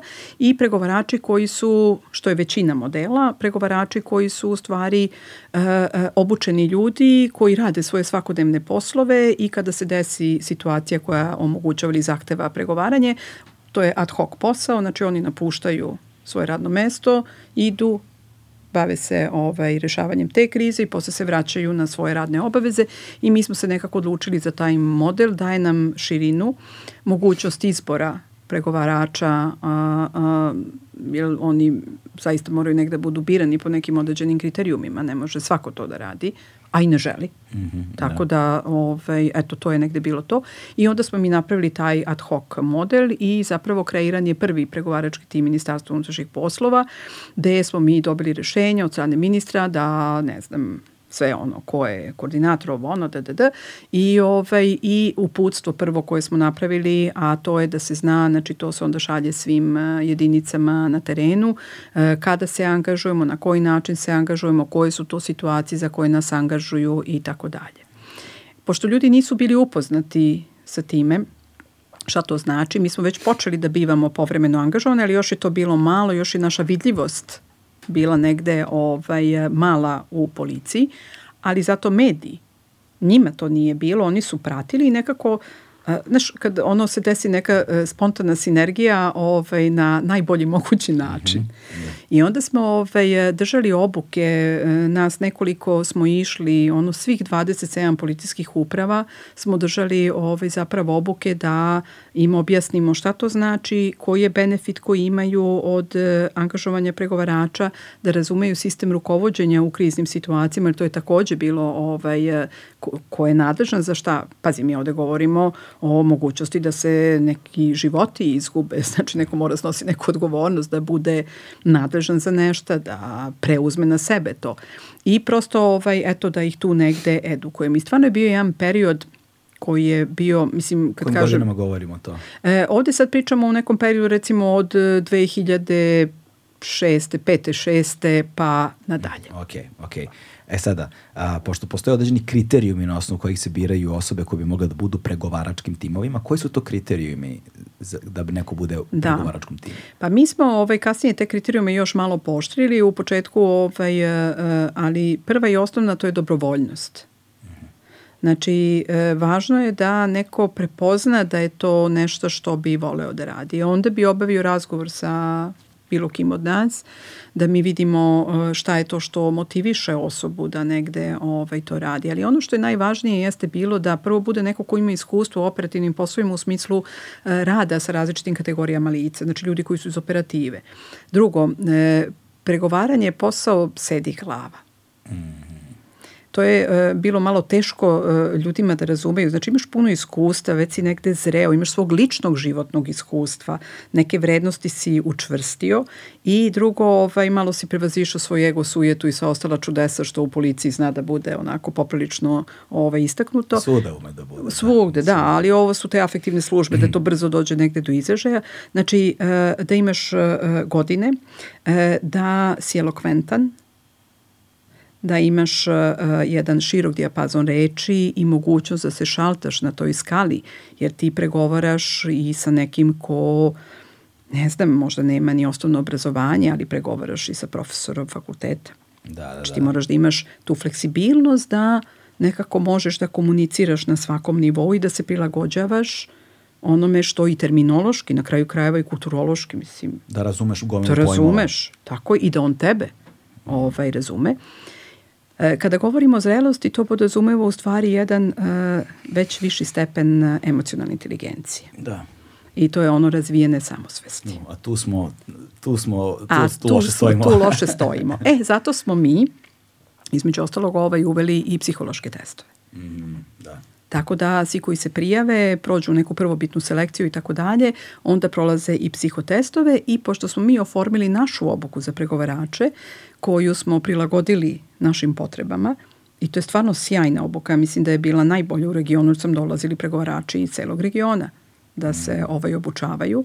A, tada to bude isto ovaj, neko, da kaže, mesto za čišćenje. Jer tada se desi da i oni koji su ušli da dođu na obuku, neki odustanu kada u stvari svate da. koja je to količina odgovornosti, a neke mi ovaj, ne selektujemo. Jasno, jasno, jasno, jasno. E sada, a, pošto je postojalo to, jel te, opšte nerazumevanje, mm -hmm. dakle, niti šta je ta delatnost, niti koja je njena primena, zašto je ona važna, koliko zapravo brojni operativni poslovi, ne samo operativni poslovi, koliko ishod brojnih situacija zavisi upravo od te sposobnosti komunikacije na neki način. Pardon. Ovaj, a, koji su bili prvi primeri na terenu kada je služba zapravo počela, počela da prepoznaje vaš značaj? I koja je tvoja da. uloga bila? To me zanima. I kako izgleda, kako, a posjećamo kako izgleda tvoja prva iskustva. Da, pa dobro, to jesu neka moja prva iskustva. Ovaj, ja mislim, jedan od prvih primera, to se sećam, to su bili natpisi u novinama, krvavi pir u Gajdobri, to se dan dana sećam. Prv, krvavi pir u Gajdobri. A, u Gajdobri. Znači, šta se dešava? Dešava se da e, pošto ljudi znaju, imaju oni te dopise, ali kao što kažeš još ni ne znaju šta zapravo. Uh, desi se neka kriza, lokalna policija nešto tu pokuša da reši, to eskalira, desi se neko čudo, onda oni nas zovu kada je već sve gotovo. Aha. Da. U suštini, mislim, ili... Kad kažeš da je se neko čudo, na šta misliš? Pred kraj, znači kada je sve ovaj, gotovo. Pa čudo u smislu se neko seti ovaj, u tom trenutku i kaže, Aha. e, vidi, a postoje tamo neki ljudi koji navodno nešto se bave ovim ili onim. Ja se sećam, ovaj, to je bio jedan slučaj uh, koji je, misli, stvarno bio ovaj, prilično dramatičan. Či mi smo ono, prvo dok mi stignemo, jer tada ni, mi nismo imali toliko pregovarača da pokriju celu teritoriju Srbije, što posle naravno jeste bilo po svakoj politiskoj upravi. Tada je bilo, uglavnom smo bili smešteni Beograd, Novi Sad, e, ne znam, e, da bilo Kragujevac, Kraljevo, znači to je bilo to. Mm. A, I mi smo otišli, a, situacija je da je to bila neko e, čovek e, koji živi to, bilo, to je u Vojvodini to neko selo ovaj čovek koji živi tu negde ovaj koji da li se napio da li šta sa prijateljem tu su sad i žene ne znam još ovaj e, par ljudi ovaj se napio i krenuo da puca. Mm.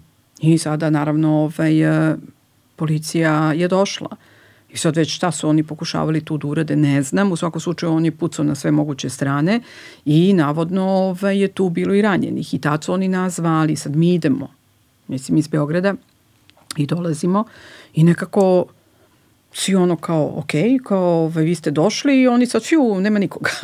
Mislim, naš četvoro stoji.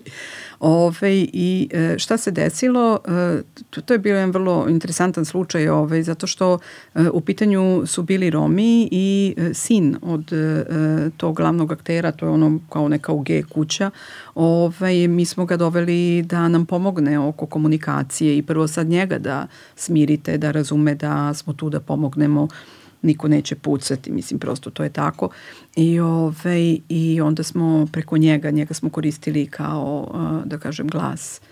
I onda je on rekao, eto tu da izađe, da neće niko snositi nikakve posljedice ako ima ranjenog nekog, ili mi ne znamo, mislim pucanja, ali mi ne znamo šta se dešava. I tada, ali to se dešava jako brzo, mislim, pritom neka temperatura minus 18, ono, puca zemlja, zima, baš da. onako neko ove čudno vreme. I on kaže iz kuće, kaže, ovaj, e, samo li nešto šušne, pobiću sve ovde. Mm.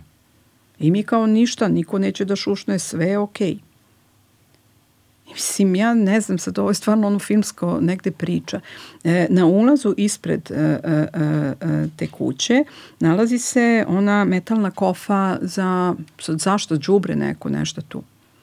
I sve to ide polako, mislim, ono kao sin priča, kao niko neće ništa. I odjednom se neka mačka pojavi koja skoči ovaj, u tu kofu, a tu je bio neki šuškavi papir celofan. I kako se taj zvuk proneo, tako je samo krenulo ono fiu, fiu pucanje na sve strane i naravno mi šta ćemo, jer pazi, ti pregovaraš, ali ako se desi tako nešto, ti onda ulaziš u svoju ulogu ovaj, uh, policajca koji ide da reši. Mi krenemo da upadamo u kuću. Mm -hmm. I u tom trenutku izlazi žena i ja vidim kako sam krenula ovaj, da izlazi žena, ja uzmem, jel, frca sa sve strane, ja uzmem i povučem je iza zida i ona je potpuno unezverena i ja kako je držim, ja osetim nešto vrelo u rukama. Uh mhm. -huh. Ona je imala tri prostrelne rane Uje. na telu. Ali ona je sve vreme stajala, znači, to, to, je, to je baš bilo ono neverovatno. I sad nebitno, suština je što je ovaj čovek je pucao, on je ubio tog svog prijatelja, u tom pucnjavu rikošetirao, pa je ranio još dvoje ljudi. Mm -hmm. I to se završilo tako ovaj, što uh, da, on na kraju pucao valjda u sebe, ne mogu se setim. Ali u svakom slučaju ovaj, to je bilo nešto gde smo mi nismo imali kontrolu nad situacijom od samog početka do kraja. Jasno. nego smo došli na nešto što je već bilo ovaj, razvijeno i eto stice okolnosti. To, to pamtim kao onako... Da. I to je onda poslalo verovatno neki jasan signal da u takvim situacijama prvo moraju da zovu vas. Tako je, u stvari mi smo posle, jer mi smo posle svake situacije radimo analizu da bismo mogli da vidimo gde je ono, gde su bili promašaji, šta može, šta treba mm. i tako dalje. Svesni da je to u stvari, ovaj, mislim, početak i da se ljudi još ne stalaze. Međutim, ovaj, e, to je poslužilo jako dobro, jer smo mi uradili tu analizu i nekako ovaj, su ljudi razumeli I onda je počelo da se dešava zapravo da nas zovu na autentično ono događaje gde zaista jesu pregovaračke, ali gde ako nam nisu pomagali, nisu nam odmagali. Jasno, da, da, I da. to je da. puno značilo, da. jer recimo, uh, uh, sećam se, uh, mislim, Kruševac da li je bio, ovaj, uh, jedno bombaš, uh, mislim, famozni Aleksandar Zmaj, uh, kada smo došli, da je tada načelnik tada rekao, ljudi, šta god vam treba javite, mislim, evo, ja ne znam, ali vi kažite šta vam treba. Jasno. I to je nama bila velika podrška. Znači, bar Ako ništa drugo, to je ovaj to. Ne znam ja za tu situaciju, šta je to bilo? Ma da, jeste, to je, mislim, dosta se pričalo i pisalo o tome. To je bila situacija gde su nas pozvali, jer je čovek, eh, ne znam, eh, pretekao skoro na smrt eh, komšiju, to je kuća inače sa dvorištem, ovaj, drži bombu, gde je izvadio osigurač, drži u rukama i preti da će baciti tu bombu na bilo koga ko se primakne. Znači, jedna situacija ovaj bi rekla klasika pregovaranja.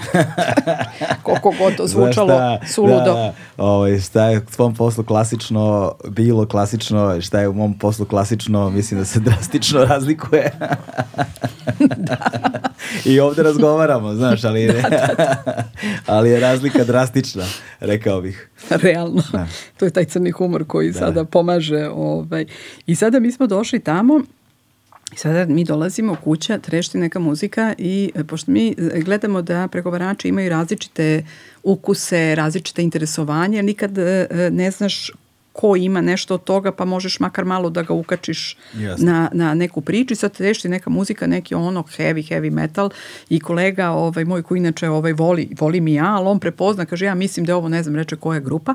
I rekao ajde kada se ovaj, malo stiša muzika, što se desi u nekom momentu, on krene da priča s njime, a jer to sluša što i to, pa onda ne znam, mi se predstavimo, uvek kažemo ko smo, šta smo, zašto smo tu i tako dalje. Znači I sad, kolega metalac kolega metalac, ali u fullu metala. On je tako i obučen. Međutim, mi dobijemo među vremenu ove informacije, naravno pozadinske službe rade sve što nam ovaj, da je u pitanju ovaj čovek koji ima dijagnozu, koji je ovaj šizofreničar mm -hmm. i mhm. sada razumemo da ovaj, je to to je sad već neka druga priča. Da, tu se znači, vraćamo na početak razgovora, o tome smo pričali je. pre nego što je snimanje počelo zapravo. I tačno, da, pričali smo ovaj, o gestikulaciji. Da, kako sad tu govor tela igra ulogu. Da, Pa zapravo e, jedna od stvari koju učiš ovaj, kada se obučaš za pregovarača jeste koji poremećaj i koje dijagnoze e, e, e, šta treba izbegavati u komunikaciji, odnosno kako to deluje na osobu preko puta. Mm -hmm. I između ostalog, gde god su dijagnoze koje imaju u sebi bilo neki disocijativni poremećaj, šizofreno, paranoju i tako dalje, tu su halucinacije generalno mogu biti i audio i vizualno i slušne, ali ono što je važno to je da ništa se ne napravi preterano jer ne znamo šta ona osoba vidi. Mm -hmm. I ako ja, ne znam, napravim neki moj tipični pokret ovako, e, osoba može da vidi ko zna monstruma, pipke, ko napad. Zna. Znaš, i onda se izbegava sve, tako da tu i onako ne gledaš direktno, ne piljiš, nego si blago po strani da se ne oseti ovaj, ugroženim. E, nekako ima to ovaj, sve svoje. Sada mi kad vidimo i to je okej. Okay. Sada mi smo onako iza nekog zida, a, kolega pregovara, u jednom momentu on prekida ovaj, svaku komunikaciju i počinje da sviće. Aha, vi ste tamo, tamo stigli Čim u neko... smo stigli nešto uveče 10 sati i sad već počinje sviće, već negde 4 ujutro. Vi ste tu celu noć ste da, da, tu. Da, da, da, da. Baš celu noć. I kako se razdanjuje, primetimo kako e, e, on onako kad baci pogled, jer se već naviko, bito je da se on navikne da smo mi isti ljudi tu. I on baci pogled i ovako nekako me obuhvati pogledom i verovatno je tad prvi put video da sam ja žensko ili da je nešto drugačije. Mhm. -huh. I mi iskoristimo to ovaj, da krenemo da pregovorimo. Mi smo stvarno ovaj, pričali koliko je moguće. E, ono što je bila njegova, a, a, da kažem, manitost i fantazija jeste da E, ljudi truju planetu, da truju njega, da mu truju psa, da truju drveće i onda on imao povremeno tako to uključi crevo i krene tako da pere drveće zapravo da bi ga spasio. I to je negde, ajde da ne duljim, ali ne, ne, neki kontekst e, zbog čega i ta osoba koju on napoje neko ko izrazito želi da otruje sve. Mm -hmm, da, da, I ptice i pevce i tako dalje. I mi smo nekako ovaj, pričali, stvarno e, pričao je, komunicirao je. I polako smo krenuli da uh, mu predočavamo da je okej, okay, da se ništa neće desiti, da ćemo mi voditi računa o, o njegovom drveću, o psu i tako, uh, da je okej okay, da... On kaže, a jeste vi došli iz Beograda? Da. E, pa da, da mu je otrovana krv, pa onda kažemo, ok, uh, uh, želiš li da ti uzmemo krv, da uradimo analizu, mislim da imaš potvrdu toga što pričaš. I sad pričaš u onoj meri ukoliko vidiš da njegova racionalnost koja čas skače, čas pada, nekako može to da prati. I u jednom momentu se desi situacija da skoro, jer on sve vreme drži, znači, osigurač uh, u jednoj ruci, bombu u drugoj, znači, to satima. Da, celu noć on celu to drži. Bog te mas. Da. Koliko je to stresna situacija? Pa, stresna, evo vidiš, u tom trenutku ne razmišljaš o stresu. Stres dođe posle. Mm. I šta se desi? Desi se, e da, a umeđu vremenu ovaj, jedna kolega, e, e, e, specijalci su došli da pomognu, jer ovo je nešto što lokalnu policiju prevazilazi. I oni su polapko opkolili ovaj, tu kuću i čuti i čekaju da mi, kako ćemo mi to rešimo. U jednom momentu se desi jedna pogodnost, a to je, e, prvo smo primetili da svaki put kad uđe u kuću da sipa vodu, on vrati osigurač, ostavi bombu, sipa vodu, od, odnese izvadi osiguraš drži bombu. Znači ima jedna rutina u onome šta se, ovaj, kako radi. I između ostalog, ovaj, ja kažem u jednom momentu vidi, evo koliko smo ovde dugo, vidiš i sam da se ništa ovaj, ne dešava, niko ti ne napada, niti imamo nameru. Ovaj, e, da li bi reko mogla da dobijem čašu vode? Ideja je bila da on u trenutku kada treba da mi donese čašu vode ispusti, ovaj, odnosno da tu bombu ostavi sa strane i da kolege ovaj, upadnu. I specijalnih jedinica. Da, da, da, da, da. Jer drugačije ne može da se reši. Da. Znači to smo ovaj, shvatili. I on sad dolazi, mislim, voda je tu, nosi mi čašu, ali on ne ispušta sad bombu. Mm. Drži je, pa sad ovom rukom sipa čašu i, ovaj, i kako je vratio bokal, a on kaže, a, ti kao u onom filmu, a? Hoćeš ovde da me zezneš? Ja kao, kako to misliš? Kao, a, zagovaraš me. Vrati on sve na mesto i ništa. Trajalo je to do nekog Našla momenta. Našla je kad će racionalnost da dođe. Tako je, ja, ali to, eto, to je to. Sad yes, vi, yes. Zato mi nikad ne znamo da li nešto traje 2 sata ili 22 sata. Da, znači, da, da. nema pravila.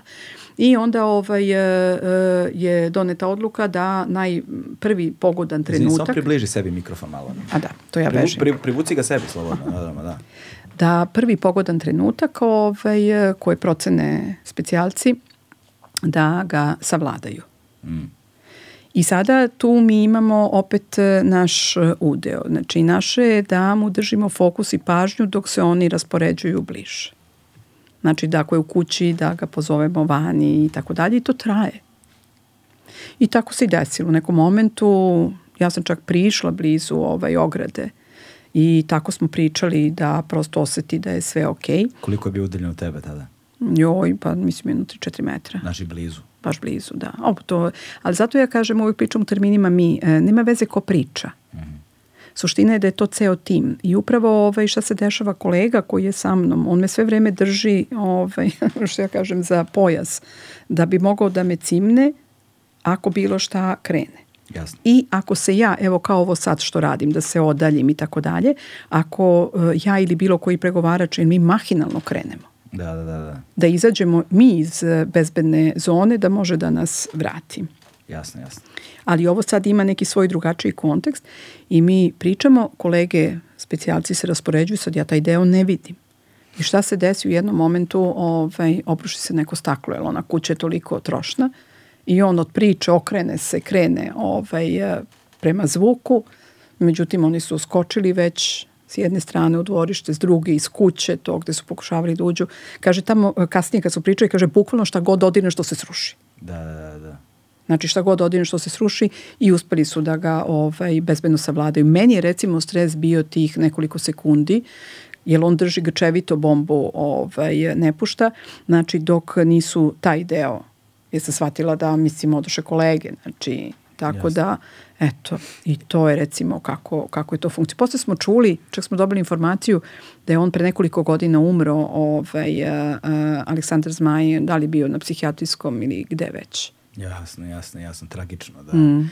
Ali sad me zanima, da kada sve vreme govorimo o tom odloženom dejstvu, odnosno odloženom efektu, suočavanju sa, to su visoko stresne situacije, da. to su izrazito traumatične situacije i ta vrsta napetosti, neizvesnosti a, je nešto što sigurno budi određena anksiozna stanja i znaš, kako, kako, u kom trenutku prepoznaješ počinješ da prepoznaješ dakle to odloženo emotivno dejstvo, emocionalno dejstvo i kako se ono odražava u tvom slučaju ili u slučaju tvojih kolega i kako ste se sa time suočavali, odnosno rešavali te da. stvari. Pa svako na svoj način. Ono što obično radimo ovaj, i to je um, da kada se završi uh, situacija, uh, obično traje jako dugo i ono što mi uradimo, mi prvo napravimo neku mini, mini debrief. Mm -hmm. Ono, uf, evo, moglo je da se desi ovo, moglo ono, izbacimo u stvari sva ona neka strahovanja, šta je sve to moglo da se desi, mm -hmm. šta je već kome prolazilo ovaj, kroz glavu i to je to uh, i onda kad odspavamo, e, onda se nađemo i onda u stvari se... ima spavanja se, uopšte? pa da, i to je sad dobro pitanje, u suštini ga više nema nego što ima, jer mi kao aj dobijemo mi kao neki slobodan dan, mislim da baš ne moramo odmah ujutru na posao, ali najčešće kažu ok, spavaj do 11, naspavaj se malo, pa dođi. Tako da, e. da, i onda dolaziš na svoj normalan posao, pritom moraš pišeš izveštaje o situaciji gde si bio i tako dalje. Tako da e, ono što je puno značilo to je ovaj mi smo imali psihologe u timovi koji su u stvari negde ovaj e, nas pratili i bili su tu za nas. Koliko su ti psiholozi zaista bili uključeni u to i radili taj posao? Pa e, kasnije kada smo malo e, kako da kažem i, i jel treba naći i adekvatnog psihologa, kada jesmo, to zaista puno znači. E, sad, drugi, ali zaista puno e, sad, znači. Ali ono što sam siguran da je postojalo, ovaj, jedna, jedna od prvih i osnovnih stvari u vezi sa terapijom, ovaj, a, je u tome da onaj koji ide na terapiju želi da ide na terapiju. Mm -hmm. A kada se tebi terapeut dodali po službenoj dužnosti zo, zbog određenih situacija... Ja, to nije terapeut po službenoj dužnosti, nego to je član tima. Aha, član vašeg tima. Da, da, da, ja. to je psiholog koji prošao obuke sa nama da bi video šta mi radimo, kroz šta mi prolazimo i e, uloga nije samo vezana za nas, mm -hmm. nego uloga psihologa je vezana i da analizira a, a, a, onu drugu stranu. Jasno, I da nam daje neke smernice, nečega što mi niti znamo možda po prirodi, ovaj, jer nije naša profesija, a sa druge strane e, da možemo da promenimo način e, kako o, pregovaramo. Da, koliko su ljudi unutar službe bili otvoreni za razgovore sa, sa psihologom? Sa psihologom? Pa mislim da je to počelo da se menja u poslednjih uh, deseta godina. Mislim da jeste. A, kada sam prešla u SAJ, mm -hmm. a, to uh, 2012. godine, E, tada je u SAI došla i moj menjakinja, koleginica Tanja, ovaj, psiholog, i ja sam nekako sebi postavila pitanja, kažem prvo, vidi, dolaze dve žene, jedna dolazi da radi operativno. Iako smo mi toliko godina zajedno izazili na teren, potpuno je druga priča kada ti dođeš u njihovu kuću. Da. Mislim da je to bilo ono, znaš kao ono, ono ovaj, pirati, ono kao o, žena na palubi, pa to je zla Čekaj, ti si, ti, si, ti si prva žena... Da, koja je išla u operativnom smislu, mislim. Sa, sa, ti si prva žena u specijalnim antiterorističkim jedinicama. Da, koja nije ad, administracija. Da, znači, dakle u timu specijalnih antiterorističkih prva žena, jesi li jedina žena? Mislim i dan danas, ne znam. Ne znam. Aha, Sad već stvarno moram da priznam da ne znam ali šta tokom, se dešava. Ali tokom tvoje jedina. karijere si bila jedina, jedina žena u saju. Da. Okay. I psiholog ovaj Tanja koja premda je psiholog, ali išla da prati jedinice, išla je na terene, išla je ovaj, tako da... E sad, a, pre nego što dođemo do saj dela razgovora, ovaj, da ne zbrzamo, ovaj me zanima isto. Um, siguran sam da, nažalost, ništa u životu na ovome svetu nema 100% učinak, pa isto tako, verovatno ni ovo. Ni, o, ni, ova, ni ovaj posao. I siguran sam da su postojale situa te krizne situacije koje se, nažalost, nisu završavale uspešno. Tako je. Ovaj, a, a, ne moraš nužno da ih, da, da, ih, da, ih, da ih opisuješ, ovaj, jer to nije poenta, ali me zanima kako Kako se suočavaš sa time? Kako se nosiš sa time? Kako rešavaš to? Koliko je, koliko danas, evo sad iz ovog ugla kada mm. posmatraš unazad je to zapravo ostavilo nekakve posledice? Da, e, ja zaista e, ono što moram da kažem to je da e, u periodu dok sam ja radila taj posao, znači do 2016. kraj 16. Mm -hmm. a, od preko 200 i nešto situacija gde su pregovarači učestvovali, bilo je tri neželjena ishoda. Mm, dobro, to je dosta nizak procenat. Upravo to. Dosta nizak procenat.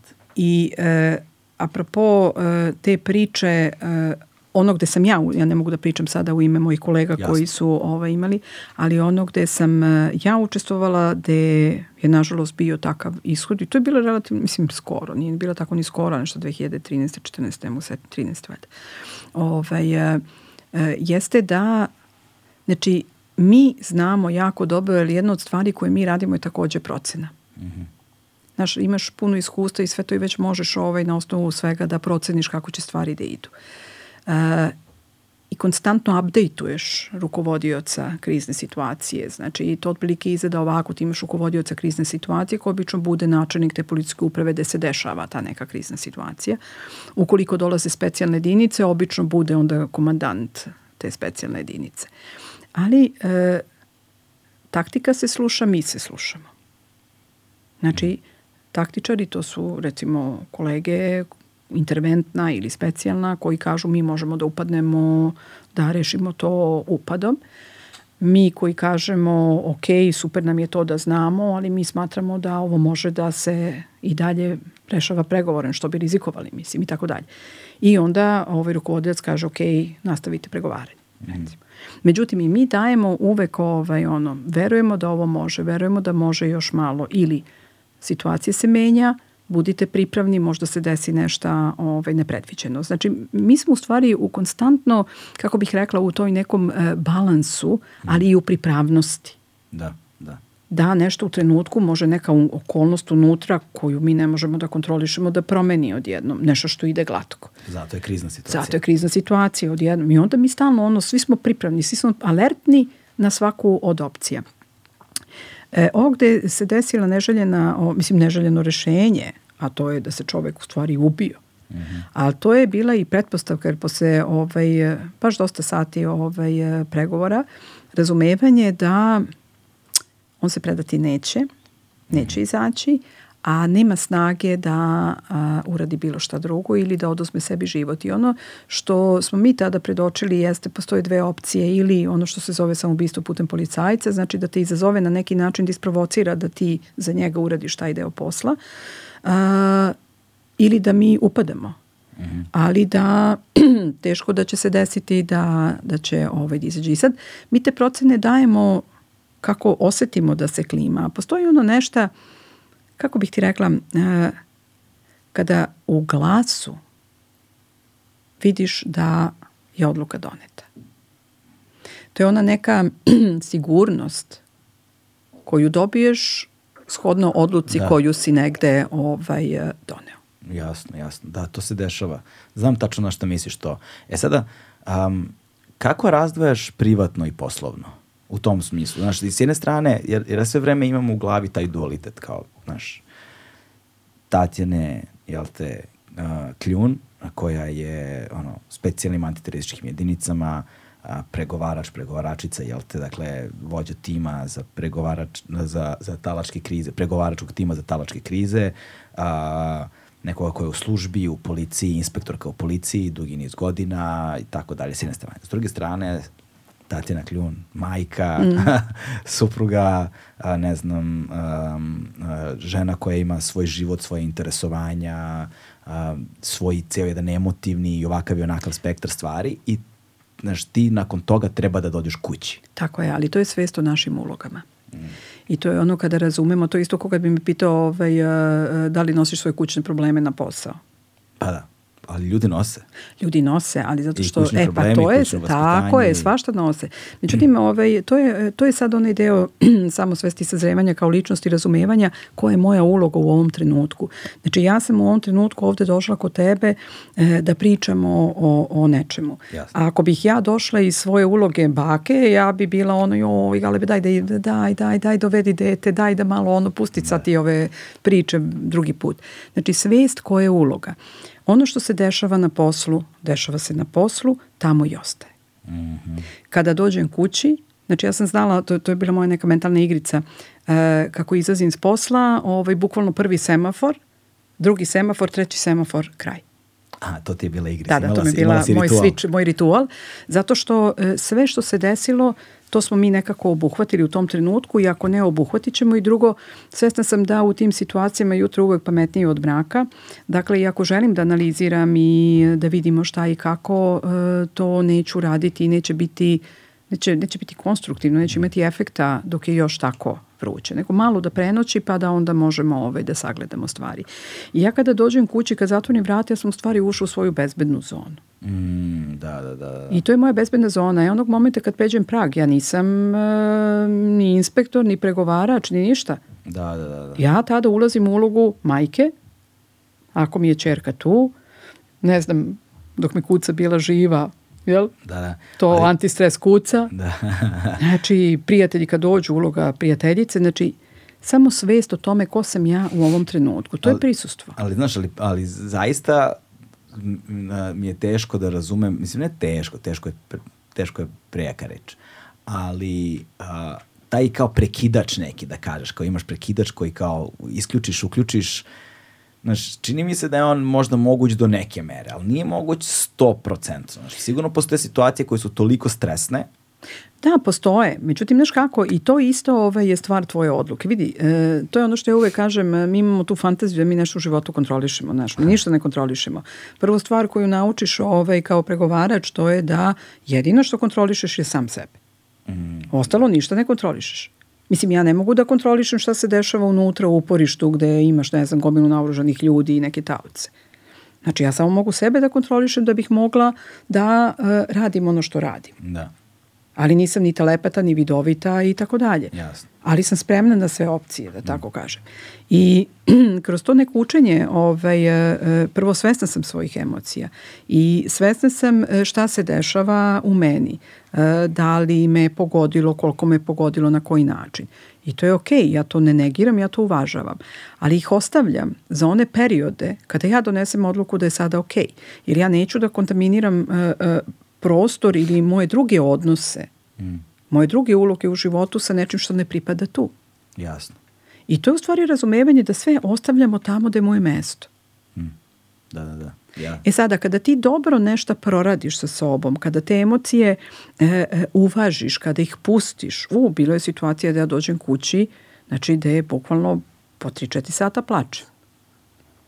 I okej, isplačem se, to mi je ono distres, što kažu, pustila sam to, e onda mogu ovaj, funkcionalno. I vratim se, ali ne dok sam u ulozi, jer mom detetu ne treba da ja pričam o tome, niti ja Jasno, treba to da radim. Da, da. Tako da, A to je zanimljivo isto to, znači, dakle, te situacije o kojima evo sad govoriš sa ovom velikom vremenskom distancom s jedne strane i, znaš, nisu klasifikovane kao tajne, mislim, barem ti Ne, pa novine su pisale, Ovo su to no- su je stvari koje googlaš i nađeš, da.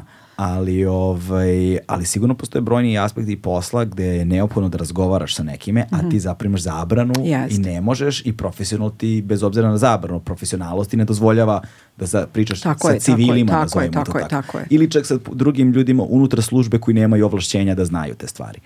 Kako to razrešavaš? Pa vrlo lepo, mislim, prvo uopšte nemam, ja nikad nisam imala poriv da budem tračar, znači, ja a- nemam taj, da, da, da, taj da. srpski gen u sebi razvijen, Da, da, to je negde ugušeno, tako da ja nemam to, a drugo ne zaboravi, ja jesam ovaj rođena, ja i moj brat, mi smo rođeni ovaj, u, što ja kažem, naša porodica je bezbednostni sistem sam po sebi, tako da mi od malene imamo ono čuti, ne priče šta se kući dešava Da. i tako dalje, jer smo konstantno bili u tome i meni je to nekako, ajde da kažem, prirodni habitat, jel? Pa da, da, vidiš, Znači, ja zapravo sve taj- vreme polazim iz ugla nekoga ko ne razume prirodu karaktera osoba i služ, osobe i službe. je. Da, da. Mislim, razumevanje da, uh, uh, prvo zašto bih imala potrebu, uh, to je sad prvo pitanje. Zašto bih ja ovo što imala potrebu? To je kao da si ti meni prijatelj i dođeš i poveriš mi neku svoju privatnu situaciju onako podeliš u poverenju i koja je sad to moja potreba da ja odem, ne znam, da ispričam to peri. Ja, Mislim, zašto bih ja imala potrebu to da radim? Kamo, sreće da je više ljudi poput tebe. ne znam, mislim, ja nemam tu bolje, potrebu. Bilo bi, bilo bi mnogo bolja situacija. E, uh, Saj, uh, -hmm. uh, kako se dešava ta tranzicija? Šta, šta su... I, pa znaš šta, ta tranzicija se dešava tako što smo mi, ovaj, mislim, pošto mi stalno smo sarađivali ili sa tada postojećom protivterorističkom jedinicom ili ovaj, sa SAjem. U protivterorističkoj jedinici ovaj, koleginici iz pregovaračkog tima, ona koje, njih dve koje su bile ovaj, psiholozi. Znači, e, recimo, pa te imao dvoje ljudi koji, iako su psiholozi, generalno ne pregovaraju, ali mogu da i uskoče i u tu ulogu i da mm. pomognu svoje jedinici, saj nije imao ništa. I ja uopšte ne znam kako, kako je došla ta ideja, ali znam, mislim, naš Timupti je mesto gde se stalno vrše neke sistematizacije, reorganizacije. Ja mislim da je to proces koji, eto, 30 godina moga rada se konstantno dešavao. Mislim da je to sudbina svih velikih sistema ono, postsocijalističkih država. Moguće, ali ja verujem da su u okruženju, da, ali ovo je ono apsolutno neverovatno nešto. Znači ovo je stvarno ono kao, ne znam, kad čitaš ove romane, kafkijanski malo. I onda mi je bilo ovaj, e, zanimljivo. To je taj postsocijalizam. To je taj postsocijalizam, da. I onda mi je bilo interesantno zato što ovaj, mi smo sarađivali, mislim, ja znam sve te ljude, na terenu smo, I onda me zvao ovaj, komandant eh, tadašnjih ovaj, da kaže da on želi da ubaci u sistematizaciju tu sad neku novu, da nešto modernizuju jedinicu i da želi da ubaci grupu za uh, pregovor. I u stvari smo pričali dosta o tome obzirom da između ostalog naš pregovarač i dugogodišnji koordinator ovaj je bio pomoćnik komandanta specijalne jedinice mm -hmm. i onda nekako, mislim, imamo sve te fine da. veze, da, da kažem. Prirodan je sled. Na prirodan je sled, tako je. I, ovaj, i kao, eto, to je kao ova ideja i zato što smo smatrali da je taj model u stvari uh, jako dobar, jer s jedne strane ti imaš uh, situacije gde standardno pregovarači i standardno policija opšte nadležnosti rešavaju situacije, a ti onda imaš situaciju gde specijalne jedinice, ne daj Bože, nekog terorističkog akta, tad smo gledali ono i Francuska šta se sve dešavalo. Ovaj, pa da, govorimo, da, to je ono, da, to je taj, Charlie Hebdo, tako Bataclan, je, tako jest, je, jest, jest, gde ti imaš potencijalno mogućnost ovaj, da se desi, a i u takvom si okruženju gde, mislim, kad pogledaš proaktivno, mislim zaista ono negde postoji ta neka opasnost, e, koliko bi bilo u stvari praktičnije da postoji jedna grupa koja je usko specializovana unutar ove specijalne jedinice za sinhronizaciju sa jedinicom. Mm. I da za te situacije kada je jedinica angažovana. Da je sada dve stvari. Prva je, koliko se sećam, rekla si mi uh, da su dolazili Jesu, mi smo imali, nakon... tako je, tako je, mi smo imali ovaj, fenomenalnu saradnju, znači sa, ne samo u Saju, nego i, i uopšte kao ovaj, tim za pregovor, mi smo imali fenomenalnu saradnju sa pregovaračima iz drugih, da kažemo, ovaj, um, i drugih mesta. Između ostalog, u Evropskoj uniji postoji telo koji se zove EUNAT, a to je, ovaj, to je neka vrsta, da kažem, e, e, tela koordinacionog pregovarača Evropske unije.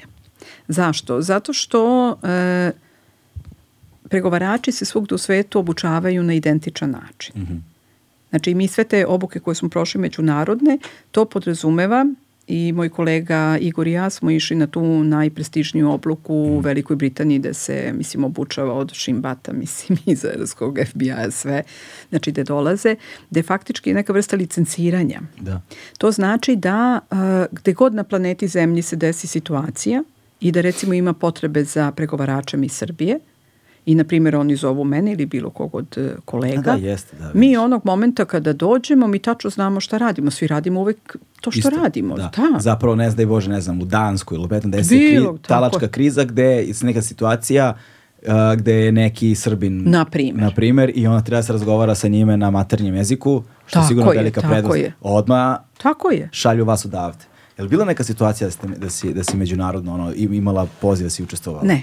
Ne, ne, dobro. ne. Ja ne znam, stvarno, desilo se par ovaj, situacija gde smo čuli da se nešto dešava, ali ja ne znam kako je politika to mm -hmm. odradila i, i da li na, uopšte nešto odradila. I nakon Charlie Hebdo ili nakon čega su došli kod vas? E, došli su nakon i Charlie Hebdo i Bata uh, Kana, u smislu, da, da, da uh, uh, pošto smo imali super saradnju i sada uh, i specijalna jedinica je uh, i sa Žiženom se obučavala i sa ne znam ovaj, uh, američkim specijalnim jedinica, prosto to je konstantno ono što kažu ovaj, jedna interakcija. Oni su zaista odmah došli i e, nesebično su podelili pošto se njima pregovarači nalaze unutar specijalne jedinice i nesebično su podelili ove svoje iskustvo, šta je ono što je radilo, šta je ono gde su promašili, kako su uspeli da drže i šta su zaključivali, gde su im bile slabe tačke. U stvari oni su nama bukvalno dali na izvolte ne daj Bože kod nas nešto da mi u stvari uh, imamo prednost da možemo da obratimo pažnju, mm. jer oni su imali zaista vrlo specifičnu situaciju, a to je da su im na dve različite lokacije im se dešava ovaj kriza. Znači tu je koordinacija, prenos informacija od presudog značaja. A mislim ti znaš kako je kod nas. Kad se desi bilo šta, to njih 150 mora da bude informisano, da znaju, da ovo, da ono. Znaš, nemaš tu kulturu Jasne. razumevanja da, znaš, to što si ti, ne znam, šef ovoga ili onoga, ne znači da u ovom trenutku treba da znaš bilo šta. Znači, onaj need to know base. Da, da. Znaš, i onda to zagušenje koje se dešava na vezama. Tako da ovaj, nekako nam je to bilo značajno i ono što je meni bilo jako interesantno to je da njihov vođa ovaj, grupe za pregovore je jedna ovaj, predivna ovaj, francuskinja uh, uh, sa predivnim tako nekim mulatkinja uh mhm. -huh. koja se zove Tatjana. Sjajno. A bilo zanimljivo nešto je sada bilo kao da, da, neverovatno. Svašta nešto, ne, nema pravih da. slučajnosti. Da. da. Dakle, a, druga stvar je, a, sada prelaziš iz, kako si ti to nazvala, um, krize niskog intenziteta, ali tako, mm u nešto što su specijalne antiterorističke jedinice, ipak su to krize visokog intenziteta, tako ali tako. Uh, Kako se to sad razlikuje i koliko je veći pritisak i kakve su neke, ako uopšte možeš da podeliš, uh, bila neke iskustva iz Pazi, e, ono što, e, pošto su, e, e, e, znači, pripadnici su m, dosta puta izazili kao podrška. I to je okej. Okay. To, e, koliko god da se mi poznajemo, uh, ipak se ne poznajemo do kraja. Mi smo imali uh, i na početku je u stvari bila cela ideja kad smo se mi smo krenuli da radimo sa njima, držimo obuke, da pravimo neka scenarija, da vežbamo, uvežbavamo sve moguće opcije. Ali znaš, ono što je specifično za taj mentalitet i za te ljude jeste koliko god da si ti s njima radio, sarađivao. Što bi rekli, dok prvi metak zajedno ne osetimo, to ništa tu ne fercera ništa ne zbližava ljude kao kriza. U ovim slučaju, da. I stvarno to je tako i bilo. Znači, prvo uspoštovanje njihovih ovaj, običaja. Ipak ja dolazim u tu kuću, svesna sam da dolazim kao prva žena tu i to je okej. Okay. Znači od onoga da ispoštujem tu uniformu, da ispoštujem e, kako se njima dopada, kako oni reaguju na to ili ne reaguju i tako dalje. I to je sve bilo ok i onda kad smo imali par izazaka na teren gde smo stvarno odradili fantastičan posao u sinergiji, nekako je to poverenje ovaj, bilo sjajno. I tu ima isto mnogo interesantna ovaj, jedna anegdota rešavamo mi neku krizu, uh, isto je bilo neko barikadiranje i tako dalje ja sad ne mogu više setim da li je bila loznica ili šta je bilo mm. i u svakom slučaju... A šta znači barikadiranje u tom slučaju? To znači osoba koja se zatvorila ovaj, u određenu prostoriju i ovaj, naoružana je. Ok. E. Ima neke taoce ili? U tom trenutku nema. Okay. U tom trenutku nema da mi znamo. Čini mi se da, da, da, da u tom trenutku nema. U svakom slučaju ja pregovaram telefonom. Znači dan je, ono sunce sija neko lepo vreme. I sada to izgleda tako što uh, uh, kolega specijalac ima onu ploču koliko krene pucnjava, znači da svi budemo zaklonjeni. I sad on ide tako sa tom pločom, ja sam tu iza njega i to se ceo, ceo tim onako tu, tu, tu, tu poređeni da. i sad ja pričam, pričam, pričam i u jednom momentu mi smo stali negde gde je dobro mesto ovaj, ja pričam, pričam, pričam i u jednom momentu ja se zanesem jer to sam ja znala ovaj, da uradim ja se zanesem i ja tapa, tapa, tapa odem ispred ploče hvata me, a oni su onako prilično korpulentni, hvata me kolega, bukvalno ovako me vrati i kaže, jesi ti normalna? Hoćeš ti da mi komandant do kraja života uzima 20% od plate ako tebe ubije ovaj ovde? smo, specijalci su posebna grupa. Mi ljudi. smo popadali od smeha, ali hoće kažem, to je tako dobro kao tako dobar antistres. Da. Ovaj, ali da, lepo smo radili. Je li bila situacija kada ste, kako ti kažeš, podelili metak u smislu da se desila neka... Da, da bilo je, bilo je, bilo je, bilo je, bilo je. Da, kako, da. Ka, uh, možda kažeš u kojim nekoj situaciji ili je to... Pa bilo je u par situacija, mislim, ali to je, kako da kažem, očekivano. Da. Ono što mogu da kažem, to je ovaj, jednoj koji se ovaj, dešavalo u Kraljevu, ona je bila vrlo specifična situacija, gde, um, ali to se stvarno rešilo čistim pregovaranjem i koliko ta podrška znači ljudi ovaj, iz te jedinice, jer to je već malo drugačiji nivo igrice. I sećam se ovaj, da sam u jednom momentu, svi su bili pozicionirani, mi smo krenuli u pregovori i tako dalje, ja pregovaram, znači e, do one mere da kad vide da, mislim ja sam pušač, što nije popularno, ali ajde, tada sam pušila baš cigarete, ovaj, kada vide da mi zafali cigara, da se pipam, da pale, donose, traže i tako dalje, ovaj, da podrže tu priču i e, kada daš procenu, ja kažem, ok, sada ću e, e, da kažem da to je ono što mi zovemo reality check, a to je da kada čovek izađe, pošto već vidimo da se lomi da hoće, da kada čovek izađe, prvo će biti neću u zatvor, znači da mu kažemo da to baš ne ide tako i tako dalje i, e, i da niko neće upasti. Ja kažem sada postoji mogućnost da puca na nas. Mm -hmm. I onda te kad smo, e, e, naravno, kolegi isproveravale da li je svako zaklonjen, da li je to, to, to, i da ako puca da pustimo da ne reagujemo, A da nema reakcije. Da na... nema reakcije, tako je, svi ono ok, ok, ok, svi čuli, svi se saglasili uh, i stvarno, ja pričam sa njim i stvarno ovaj, se desi da je on pucao, mi izdržimo to sve i ja kažem ok, evo vidiš da se ništa nije desilo i ubrzo nakon toga je on izašao i predao se i ta recimo situacija, ali hoću da kažem koliko to znači. Da, kako su nakon te situacije konkretno reagovali kolegi? U, oni su bili ovaj...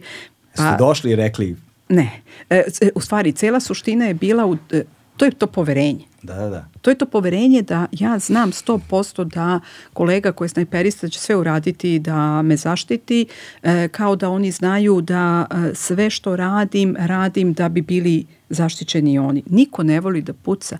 Znači, ne vole ni oni. To je njihov posao, niko se tome ne raduje. I svaka situacija koja se završi bez upotrebe sestava prinude, jedan veliki uspeh i svi se osjećaju sretno i olakšano. Mislim, niko ne voli to da radi. Mislim, ti da. se obučavaš to da radiš, ali ne voliš. Jasno, jasno, jasno. Znaš, niko ne ustane ujutru kaže, u, jedva čekaj, imam pobijem neke ljude tamo. Mislim, znaš, to je vam pameti. Da, da, da, jasno, jasno. Ne, nego prosto samo kažem zbog toga što, znaš, a, ono, pucanje na ljude je negde krajnji Tako je. agresivni, ekstremni čin. Kad više nema kud nego... Kad neko više nema kud nego puca na tebe. Tako je. I onda očekivao bi čovek, dakle u ovom slučaju sad kreće ozbiljna životna ugroženost koja svakog trenutka može da rezultira ovaj, smrtnim ishodom. Dakle, onda ide reakcija na to, znaš, zato što želiš da tu situaciju ugasiš odmah, da, nek, znaš, da traje što kraće. Tako je, tako je, tako je, da što onda, manje prozora da, ostaviš za neke žrtve da, veće. Mm. Tako je, a, a ljudi, ljudi u toj vrsti službe su sigurno naučeni da to rade ekstremno brzo, je ekstremno efikasno, da ono kontrola štete bude maksimalna. Tako je, tako je. I onda je sad ovo negde kontra njihovoj obuci u tom smislu. Znači, ne mislim u smislu kao iščekivanja, Razumem. nego u smislu Ali treninga, kako nije, obuke. Ovaj, jel, e, svaki put, i to stvarno moram da kažem, znači, dok nisi u specijalnoj jedinici, uh, svakakve fantazije imaš i o, o tim ljudima i šta je, i kakvi su oni i šta je specijalna jedinica. Ono što ja ovaj, u mom iskustvu i po četiri godine ovaj, mogu da kažem, a to je da stvarno uh, uh, Niko se ne osjeća prijatno kada treba ovaj, da reaguje, odnosno svi bi voleli da to bude drugačije. Kada se desi, stvarno se detaljne, mislim ne znam sad kako je, ali dok sam ja bila su se detaljni, duboke analize radile mm. da se vidi da li nešto moglo drugačije, kako bi moglo, šta ako sledeći put neka slična situacija i tako dalje. Znači prosto ovaj, zaista ne vrlo ozbiljne analize su se radile. Da. Koje su, uh, šta, šta je za jednog pregovarača? To nas mm. sad vodi u post policijski život. Mm. Ovaj, za jednog pregovarača uh, ili pregovaračicu ili pregovarače, dakle, šta, je, šta su neki ono kao ob, obavezni elementi koje čovjek treba da znaju, kao neki saveti, e, sutra ako pregovarate bilo što, da li posao, da li neku kriznu situaciju koja je ispunjena mm. emocijama mm. i subjektivnim dakle, odnosima, ovaj, je, je šta je to što treba, naše treba obratiti pažnju i šta su to prve stvari koje treba da uradite? Pa znaš kako, ako bi to bilo kao ono ovaj, neko savetovanje, da. znači e, prvo za početak ja uvek kažem kada ideš na nešto što doživljavaš kao nešto ozbiljno ili teško, uh, obavezno uh, podeli to sa nekim, mm. znaš podeli to sa nekim, nemoj to da nosiš sam. Mislim, to ono da ti neko čuva strah. Jasne. To puno znači. Zato je pregovaranje timska priča, to nije priča pojedinca. Ljudi se uglavnom fokusiraju na pregovarača, znači na ono koji priča, ali u stvari bez tima ništa. Druga stvar, uh, samo kontrola. Znači, to sam već rekla. Znači, ništa ne kontrolišeš, možeš samo sebe da kontrolišeš i e, to je veoma važno da osvesti šta je to što treba da kontrolišeš. Jer da bi mogo da se kontrolišeš, ti moraš da budeš svestan šta se dešava u tvom telu. Znači, da li ja imam tremu, da li, ne znam, ubrzano dišem, da li će to da zvuči ovako ili onako, da li deflektujem humorom tako što kad mi je neprijatno se samo nešto smejulji. Mislim, ti imaš, znaš, svako sebe poznaje najbolje, zna šta je to. Mhm. Mm kako se nesvesno ovaj podržava. Glas, to smo već pričali, znači način na koji nešto izgovaraš često je mnogo važniji od onoga šta izgovaraš. Jer to u stvari pravi razliku da li si asertivan e, ili ne. Mm. Znaš, da li će neko nešto da doživi kao pretnju, kao nešto lično ili čak i kada govoriš nešto što se nekome ne dopada, da to doživi na jedan e, način normalni gde samo se ne slažemo. Da, najbolji mogući u datim okolnostima. Tako je, tako je, tako je. Ali se počinje od nas, znači samo da. mi. I ono što ja uvek kažem, ovaj, disanje. Disanje nas dovodi u prisustvo kada smo svesni da dišemo. E, to ti je u stvari meditacija na neki da, da. način, da. meditacija u hodu. Kada smo mi svesni da dišemo, ja sam svesna sve vreme dok pričam, da meni vazduh nešto ulazi i izlazi, da ne znam, nešto tu mi se dešava, da me malo boli noga što sedim u ovom položaju. Znači, ja imam svest o svom telu. Da. I dokle god imam svest o telu, ja sam prisutna. Mm. A kad sam prisutna, ja onda ovaj, mogu da a, gledam široko i kada sam prisutna, onda a, nema šema, defleksija, pričanja u prazno, ono kiš oko Kragujevca. Da, da. Tu sam, čujem te, ali me čuju i drugi. Da, a onda istovremeno, to je ono što se meni dešava dok radim ovakve stvari, s jedne strane, da, treba da budeš potpuno prisutan, treba da slušaš, treba da razumeš, da zaključuješ, da izvučeš negde ono pod pitanje iz ovoga, ali sve vreme mora da postoji paralelni mehanizam koji vodi i kad imaš neku ideju da je zadržiš i da je možda ubaciš u razgovor mm -hmm. ono 45 minuta kasnije kada pronađeš pravo mesto za nju, znaš. A, a nekako ta dva paralelna toka boga mi nije jed, zamara strašno. Znaš. Tako je, ali vidiš, taj paralelni proces, mislim, on je deo tvog, e, uloge e, tvog posla. Tako je. Kao što je e, moja uloga dok sam e, radila u policiji kao pregovarača je takođe bila paralelna. S jedne strane, pratim i fokusirana sam na osobe sa mm. kojima pregovaram ili osobu. Ali ja s druge strane moram da pratim šta radi moje okruženje. Jasno, znači, to. to su ti, i da primam informacije koje su mi relevantne i bitne da. za ono ovaj, da. o čemu ja pregovaram. A ovde, ovde je obrnuto. Na, ovde zato između ostalog nosimo slušalice jer te ubacuju, sužavaju okruženje. Dakle, ovde fora se eliminiše okruženje. Zato, te, zato si uh, u mogućnosti da bolje radiš paralelni proces, a ja da budem prisutnija bez da se nešto mnogo ovaj, muči. Tako je, tako je. Tako je. Eto, za sve one koji pitaju zašto slušalice, to je jedan od glavnih razloga. Da, da, da, i to je odlično. Da, da. Ovaj. Jer razmišljao sam čak koliko bi zapravo slušalice mogle potencijalno da budu dobar uh, alat u terapijama. I da, i postoje ovaj, kod nas u geštaltu, mislim, za one koji ne znaju, ja sam završila i geštalt psihoterapiju, znači pet godina. znači to mi je on kao, kako kažu moji prijatelji, kaže, tebe roditelji kad su poslali u školu su zaboravili da ti kažu da treba da se vratiš. da, da, da, da. Ali ja verujem ovaj u to da se edukujemo do kraja života onome mm. što volimo i sad mi imamo tu nekih različitih tehnika kako ovaj, radimo. E, ono što je bitno, e, što recimo evo na primjer sad ja osvešćujem da e, šta je za mene e, manje stresa, jel bez obzira, znači stres je i meni kao neko ko gostuje kod tebe na neki način. Mm. Znaš, ja imam malo toga. E, činjenica da nemam osjećaj da se snimam. Da, da. Znači, da. uopšte ne razmišljam, ovi sad sam shvatila, da, da nemam osjećaj da se snimam, ne razmišljam sad e, o, o, o mojim pokretima. Da, da, puno smo, ovaj, Znaš. Naš, pu, pu, puno smo radili na tome. Da, da, da, ovaj, odlično, odlično. Da, da, da ambijent i atmosfera budu takvi. Znaš, da, da, uh, da dobiješ čoveka. Tako je. Da dobiješ čoveka, da, dobije, da, da više dobiješ čoveka, a, sve, a manje one a manje. izverzirane, os, os, on, izverzirane elemente čoveka koje je navikao da javno govori. Tako je. Znaš, što je, što je javnija ličnost, to je teži taj proces. Hmm. Zato što imaju naučenu, naučen stav, naučenu pozu, znaju koji im je dobar profil, znaju koje rečenice dobro rade i rafal, rafal, rafal, znaš i to je... Jeste, ali to je naučeno, to ne ide iz unutrašnjeg bića Tako i je. to je ono što je različito i to je ono što ljudi čitaju. Znaš, ja gledam, posmatram političare ponekada, ove, mislim, diljem, da kažem, ovih zadnjih 20 godina i tačno uh, vidiš ko govori autentično, a ko iz ovoga što ti pričaš. Tako je. I ne samo ti, svako oseti ove, da postoji razlika. Ali ima majstora o, zanata koji umeju da Nije zamaskiraju. majstor zanata, nego mi imamo problem, e, ne ja. majstora zanata, da, uh, uspevaju, ali mi imamo problem sa onim deo populacije koji u stvari se ne povezuju sa sobom. E, da bi istina. mogli to da prepoznaju, znaš. Da, da, da. I to, to je ona istina. priča kad smo pomenuli koliko se mi zapravo ovaj, spremni da se suočimo sa stvarnošću i e, prošlošću i sve to i to se manifestuje na taj način. To je neko bežanje od odgovornosti. Mm, da, da. E sada, uh, u vezi sa time, uh, uh, četiri godine saja, ali tako? Mhm. -huh. I nakon toga odlaziš iz službe. Da, bila sam još neko vreme ovaj, u, u Centru za policijsku obuku Mm -hmm. I posle toga sam se penzionisala, dočekala sam penziju. Dočekala sam. To je kao regularna penzija ili? Da, da, da, regularna penzija. To kao benef, ono, beneficirano. Pa da, pa ja sam od početka ovaj, kad do dana jedan na beneficijama. znači da. nikad nisam sedela. Jasno. Nego ovaj, bila u akciji.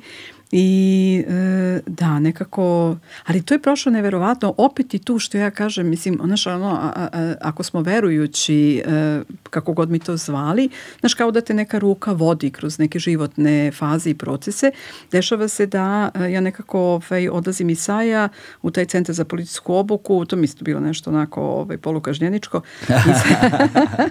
da ne ulazim u to, ali e, jako, mislim, ja sam čovek koji kad kako da kažem, ja uvek kažem ne tamo gde smatram treba kažem ne, sa profesijom ne pravim kompromis i to je kraj. Znači, Bravo. ne zanima me ni politika, ni oma, ne zanima bez posla. Neću umreti od gladi, imam dve ruke, stepeništa vas da prati. Da. Tako da to mi je okej. Okay. Ali sam imala mogućnost da u stvari razumem koliki, um, koliko dugo ja radim pod adrenalinom. Mm. Znači, faktički ceo svoj radni vek.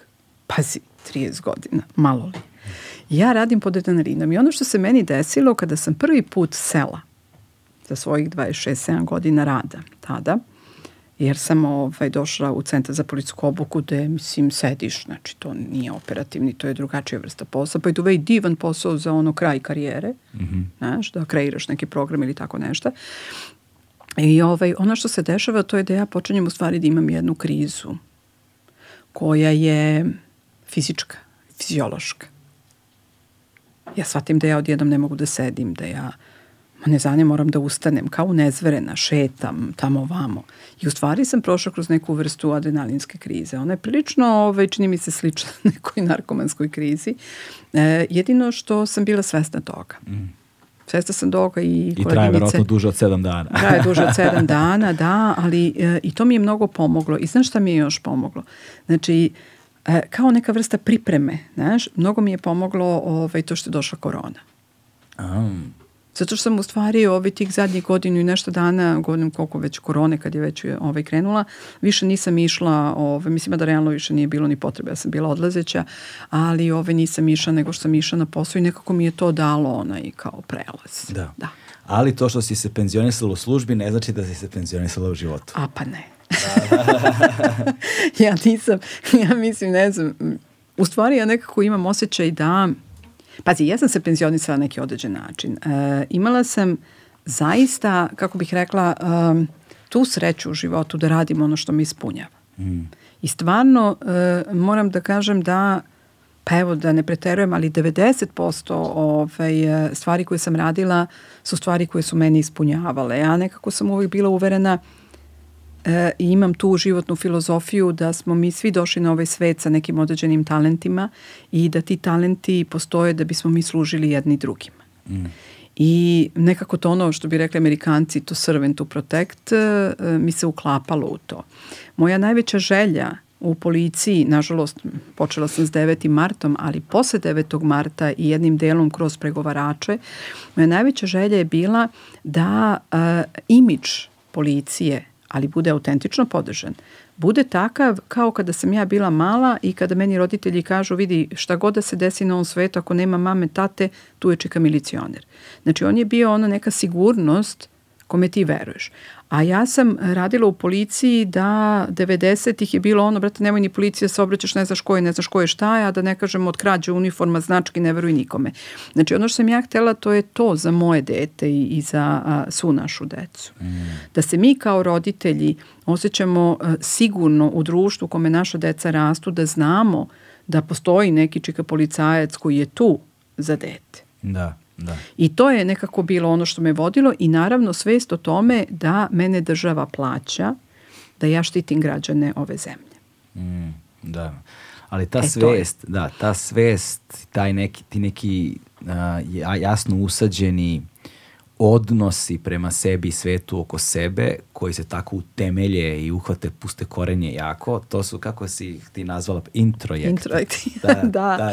Znači, da. znači, introjekt službe a, u tvom slučaju a, i vrlo specifično o, vrlo određene službe i onoga što je jedan sistem glomazan Tako sistem je, kabest koji ti daje od, inertan u velikoj mm. meri, koji ti daje onako stabilnost, sigurnost, ono, plata, karijera, šta ti ja znam. Ali to više nije tako. Znaš, to su bila neka vremena, to, to nije tako. Znam, znam, ali hoću da ka, ali intelekti nisu nužno objektivne kategorije. Ne, Znaš, to, ne, ne, ne. To. I oni su podložni menjanju. Suština je što mi dobijemo, mi se introjektujemo od malena. Znaš, ti introjektuješ svoje dete onog momenta kad kažeš ne, ovo, pec, ovo, da, da, ti u stvari usađuješ nešto. Tako je. Znaš, e, e sada, ono što je suština to je da kada mi odrastemo u nekom trenutku, a to je da revidiramo naše introjektele, ono što su bila uverenja jednog društva, jednog perioda, jednog sistema, ne moraju neminovno da budu adekvatna i funkcionalna sada i ovde. Ali oni se najteže menjaju. Tako je, zato što se najteže osvešćuju. E, to.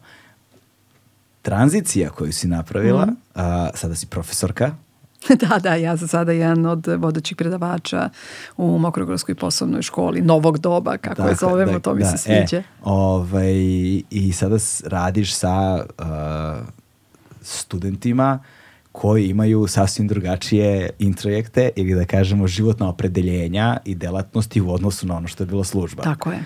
I sada to zahtevalo od tebe verovatno jednu drastičnu introspekciju, odnosno o, o, o, posmatranje svog dosadašnjeg rada, zato što čini mi se, sad ja pretpostavljam, ti ćeš mi reći, jel te, da, da, li, da li je lupetan gluposti ili sam u pravu, ovaj, a, da je to ipak pod brojem jedan daleko manje stresno, znači nema više adrenalinskog tog elementa, ovaj, a, rizici i posledice nisu ni izbliza Tako ono je. što je bilo za vreme službe, a verovatno i samim tim njihov odnos prema sebi i svetu oko sebe je drastično drugačiji od onoga kako je to bilo u službi. A posebno kad govorimo o tim velikim glomaznim sistemima koje je ono karijera, plata i to, ovi ljudi potpuno drugačije razmišljaju. Tako je.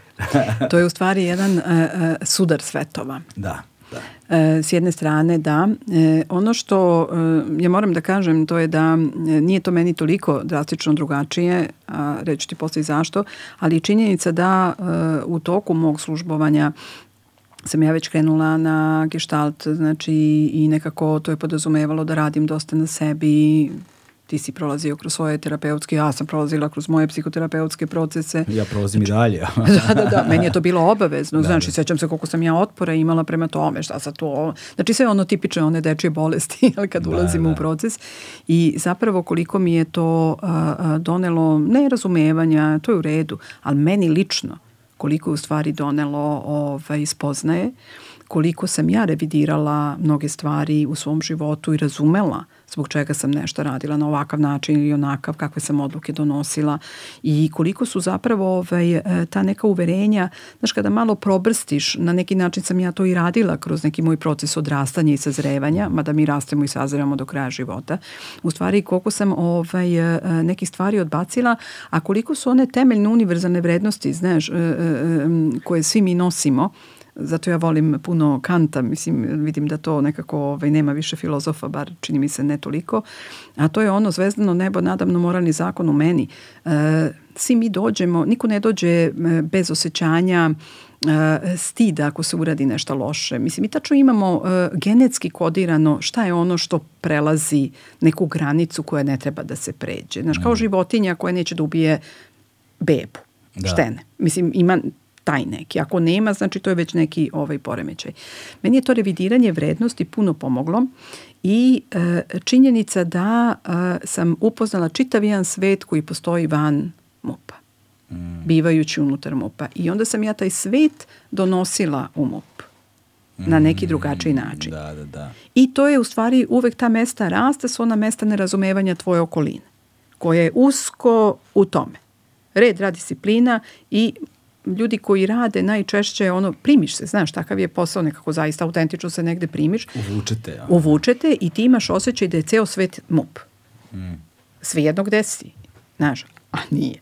To je jedno malo zrnce peska u sistemu univerzuma. Da, da, da. A kako si rekla, mesto meta... rasta je mesto nerazumevanja tvoje sredine. Da. Da, da, sviđa mi se to, Jest. da. Sviđa mi se to. I zapravo to s jedne strane svedoči o veličini osobe, neko ko ume da se izmesti iz tog sveta da vidi veličinu sveta oko, okolo, da se adaptira, da bude spremna da prihvata stvari i dobre elemente i onda onaj najnezahvalniji deo posla da, ga, da ih implementira. Da ih implementira. da. Vidi, Sizifov posao, ali ok, mislim, kažeš, probao sam i, i znaš kako je i ta implementacija, ti nikad ne znaš, znaš, to ti kao voda. Mm. Možda se to ne vidi sada, ali možda za deset godina je to našlo neki svoj put. Mislim, ja bar želim, želim da verujem u to. Ali ono što mi je dalo, to je da konačno izađem, uh, iako po prirodi pregovaranja smo mi stvarno morali malo da skačemo i na te meta pozicije, znaš, da gledamo stvari iz neke visine, da bismo malo širu sliku obuhvatili, pa da se vratimo u ono što je situacija. E, sad sam dobila tu mogućnost znači da stvarno odem na tu meta poziciju, jer to je ona fleksibilnost koju mi u stvari izgubimo. Znaš, ti kad uđeš u svoj malo, mali životić e, koji je tvoj neki mali uski delić, e, ti nekako vremenom se isključuješ e, iz toga da to pripada svakolikom univerzumu, a ne samo, znaš, zaboraviš taj pokret. Da, da. I taj pokret je u stvari meni pomogao kada sam krenula prvo da uh, otkrivam koliko volim da, da se bavim uh, edukacijom, treninzima, drugo kada sam razumela da šta će meni moje iskustvo, moje znanje ako neko toga nema koristi? Mislim, šta da radim s njim? Mm. Znaš, mislim, potpuno ono negde guši me, znaš, imam da. potrebu da, da to izađe, da to dam, da to podelim, da bi neke nove stvari mogle da uđu. I to mm. je tako. I onda mi je bilo interesantno, ovaj, kad sam krenula baš da, da, da baš radim intenzivno ovaj, u Mokrogorskoj, prvo e, e, ti ljudi gde sam prepoznala u stvari one vrednosti koje ja poštujem i koje su meni bliske. A to je želja da izgradimo jedan svet uh, koji je malo bolje mesto. Mm. I drugo, uh, ušla sam uh, sa nekom predrasudom ovo što ti kažeš, znaš, ono, wow, korporacije, sistemi, pa to ti isto ko naš MUP ili šta god već, samo u nekom još gorem obliku, znaš, mislim, da. ono kao tate nešto muče, ti si tamo neki rob, nekoga ko želi samo pare da zaradi preko tvojih leđa i tako dalje. Da, nije, nije, nije da nije istina. e, pa da znaš da i nije. Da, jel da? Jeste istina možda negde, ali u većini ne. I u stvari moje iznenađenje je bilo to je kada, naš radeći pogotovo na ovim našim generičkim programima gde ti dolaze izvršni direktori, mislim ono različitih kompanija i malih i srednjih preduzeća i nekih konglomerata, svega ti tu imaš, kada ti vidiš, jer recimo ja držim između ostalog, osim komunikacije, mhm. upravljanje krizom, onom, ja držim emocionalnu inteligenciju. Kada ti vidiš koliko ovaj, a, a, ljudi su samosvesni, koliko ljudi žele da e, ljudi koji rade za njih zapravo e, žive u što zdravijem ambijentu, da imaju neki osjećaj psihološke sigurnosti, mm. da to bude bazirano stvarno na, na nekim e, lepim odnosima i e, da su svesni da to, ako ćemo i krajnji cilj da bude profit, da smo svesni da će tu da dođe mnogo veći profit nego ako radiš sa bičem i korbačem. Jasno. Da. Drugačije generacije dolaze i ja u stvari pre neku godinu shvatam da se kod nas dešava nešto vrlo neobično, a to je da po prvi put u istoriji privatni sektor je zdravije mesto nego ovaj državni. Mm. Pazi, to se vidi zapravo kad posmetraš tržišno ovaj, mm -hmm. i ljudima koji rade i načina na koji rade. Uh, iz, ono, sad ja ovako sa pozicije potpunog laika, jer kažem, taj svet je nešto što je meni potpuno nepoznato i prema kojem zaista ne gajim skoro nikakvo interesovanje. Ovaj, osim onoga što mi je nužno zbog sobstvene delatnosti što moram, ono, moram da platim da, da porez, da, da. pa onda moram da znam tako stvari. Je, tako znaš. je. Ali da ne moram, ne bih znao. Ovaj, niti me to zanima. Dakle, uh, jedna stvar koja mislim da je možda inicijator negde, jeste što se mi, to su da lepo ovaj, Igor Štiks i, i Sreću Horvat filozofi opisali kao postsocijalistička pustinja. Mm -hmm. Mi zapravo nikada nismo potpuno izašli iz tog sistema. Tako je. I nismo napravili nikad ni uspešnu tranziciju na neki način. I onda su ti glomazni sistemi ovaj, koji su ostali ajde, pod kolokvijalnim imenom državni, tromi, spori, yes. inertni. I onda to ima svoju prednost i svoju manu. Njihova najveća mana je nesposobnost transformacije i promene. Tako je. I birokratsko telo koje se samo sobom hrani, samo od sebe uvećava i, ovaj, i nema pravog zadovoljstva, nema prave motivacije i onda svi ljudi koji rade, ne svi ljudi, opet generalizujem, koji rade u tom sistemu, ipak nemaju motivaciju da sada u, u toku svog radnog vremena urade ne znam šta, nego brate, završi se moje radno vreme, imam sigurno platu, aj čao. Ovo, to se vidi ono, u, u tim sistemima, u, u tim segmentima posla gde je rad sa građanstvom. Kad treba završiš nešto na šalteru, kad treba, znaš da ti se posle dva neće niko javiti na telefon, znaš, iako im je radno vreme do pet, znaš, te takve stvari. Ali s druge strane, u ovom toliko urušenom i siromašnom društvu, ovaj, koje nekako jedva da opstaje, čini mi se da ta inertnost je i pozitivna strana zato što baš zbog te inertnosti nismo uspeli da ga urušimo do kraja. Do kraja, da. Znaš, nego, nego je ta inertnost pruža otpor totalnom urušavanju. Ovaj, I onda paralelno s time postoji ti privatni sektor. Da, i postoji nešto što ovaj, ja pogotovo volim eh, kada radim sa ovim mladim ljudima, mm. mladim preduzetnicima, tim start-upovima, kada ti vidiš koliko tu ima pametnih ideja, koliko tu ima znanja, koliko tu ima energije, mm. koliko tu ima želje i što je najvažnije, sa jednom opuštenošću, jer e, e, te mlađe generacije autentično biraju ono što prepoznaju sebe u tome, vole da rade da. i oni su opušteni. Ali i te Znaš, mlađe generacije imaju generacijsko nasledstvo da u startu ne računaju na sistem da će da ih podrži. A to pogotovo, ali oni ulaze zato bez nekog straha, znaš, Tako mislim, ne, da. nema šta sad onda se opterećuje, pogotovo ako nisu još dodatno opterećeni sa onim našim, a šta sutra, a za crne dane, a mm. pustiti to. Ja se setim, ovaj, apropo tih introjekata, to sigurna služba, plata, sigurici i tako dalje, ja sam imala u toku, to je bilo tamo negde ovaj, pred kraj 90-ih, ovaj, sam imala eh, i posle 2000 sam imala par ponuda iz privatnog ovaj, sektora da pređem da radim.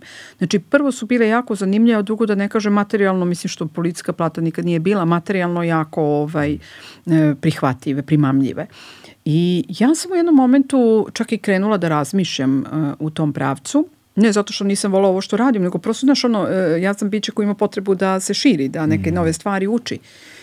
I samo je ovaj ono glas e, e, unutrašnji mojih roditelja, znaš, koji govore ono ne, to ti nije sigurno, šta ako to sutra pukne, e, ovo ti je sigurno i sve tako se to nešto tu kao, ovaj, e, kao da sam hipnotisana, znaš. Posle kada sam kroz svoje terapeutske procese prolazila zapravo to ti kako radi unutrašnji introjekt, U stvari šta se dešava? Razmišljaš e, kako ti racionalizuješ to i kažeš pa dobro, pa prvo zaradila ovi pare da bi mogla dve godine da živim kao da imam ovu MUP-ovu platu, znači dok se ne snađem, a drugo, pa te nisam nesposobna, da ću nešto moći da se snađem, da, da. zaradim, da jedem. Pardon. Tako da, znaš, to su ti strahovi koji ti drže, u stvari više nije ni strah. Znaš, e, e, e, to su one pozicije gde ti u stvari razmišljaš šta ti gubiš, jer ti gubiš e, autentičnu egzistenciju ili gubiš komfor. Mm. Šta ti je tu žrtva? Mislim, mi moramo e, e, da budemo realni. Mi živimo danas u vreme kada nije lako ostati bez posla ali e, i da ostanemo bez posla, svi imamo nekoga ko će makar malo da nas nahrani dok se ne snađemo. Da, da. Ali Jel? pazi, to je posledica u velikoj meri i vremena uh, i kojem smo živeli i stvarnosti koja nas je uvek u su, koja nam je uvek pokazivala suprotno. Jedna od najvećih fascinacija tim takozvanim razvijenim zapadnim sistemima kada sam putovao po razvijenim zemljama, jedna od najvećih fascinacija mi je bila ta da zapravo oni imaju toliko stabilan sistem u kojem su pravila toliko jasna i toliko dugo već, znači Tako generacijski jasna, da oni od dana kad se rode znaju da ako uradim ovo, ovo i ovo, za 15 godina me čeka ovo. I prođe 15 godina i stvarno bude to, ako su oni bili dosledni tim koracima. A, kod nas to nikada nije bilo tako. Pazi, jeste u bivšoj onoj, ja se sećam, mi smo imali ono petogodišnje planove, petestogodišnje E, to, planove, šta da. god. Suština je što mi ovde ne razmišljamo proaktivno, ali mi smo zaglavljeni. Pa to, Znaš, da. mi smo zaglavljeni. E sad, ono što meni uliva nadu, jeste u stvari ovi e, ljudi sa kojima radim. Nisu, ne moraju, nisu to neminovno mladi ljudi, dođe tu i, i, i, e, ljudi koji su već u, i u godinama, mislim, naravno ne tako kao koliko imam ja, ali recimo, znaš, to nekih, ovaj, e, znači koji imaju već neko ozbiljno iskustvo ovaj, u poslovanju. E, međutim, ono što jeste, to je u stvari taj proaktivni model. I drugo, ono što primećujem, što se meni jako dopada, ne kažem e, svi, ali veliki broj tih firmi, kompanije su ove, društveno aktivni. Su ljudi koji e, učestvuju na neki način e, u društvenom dobru, u, u, u nekom radu, u nekom pomoći, u, u nečemu. Znači, e, svesni su, imaju taj ono što ja se zove eko cilj, čisti. Znači, nije mi cilj samo da zaradim. Ne, zarada mi je sredstvo da bi ja u stvari mogao i moju zajednicu da na neki način pomognem koliko god mogu na bilo koji način. Znači, postoji taj neki, ta neka svest da a, a, smo važni na više nivoa. Ne samo važni kao neko ko imamo sad neku firmu, kompaniju, pa sad ne znam, eto, to mi Da. lepo ide, pa ja to lepo zarađujem. Ne, nego smo mi važni i na nekom drugačijem nivou. Pazi, ja mogu samo da se nadam da je tako, jer nemam... Kao Nemaš ti, uvid, da, a je, meni je ovo to, jako nemam, podržava, Nemam znaš. praktično iskustvo, ja samo sudim na osnovu onoga što vidim oko sebe, ovaj, a ono što vidim oko sebe vrlo, vrlo, vrlo, vrlo često apsolutno ne izgleda tako.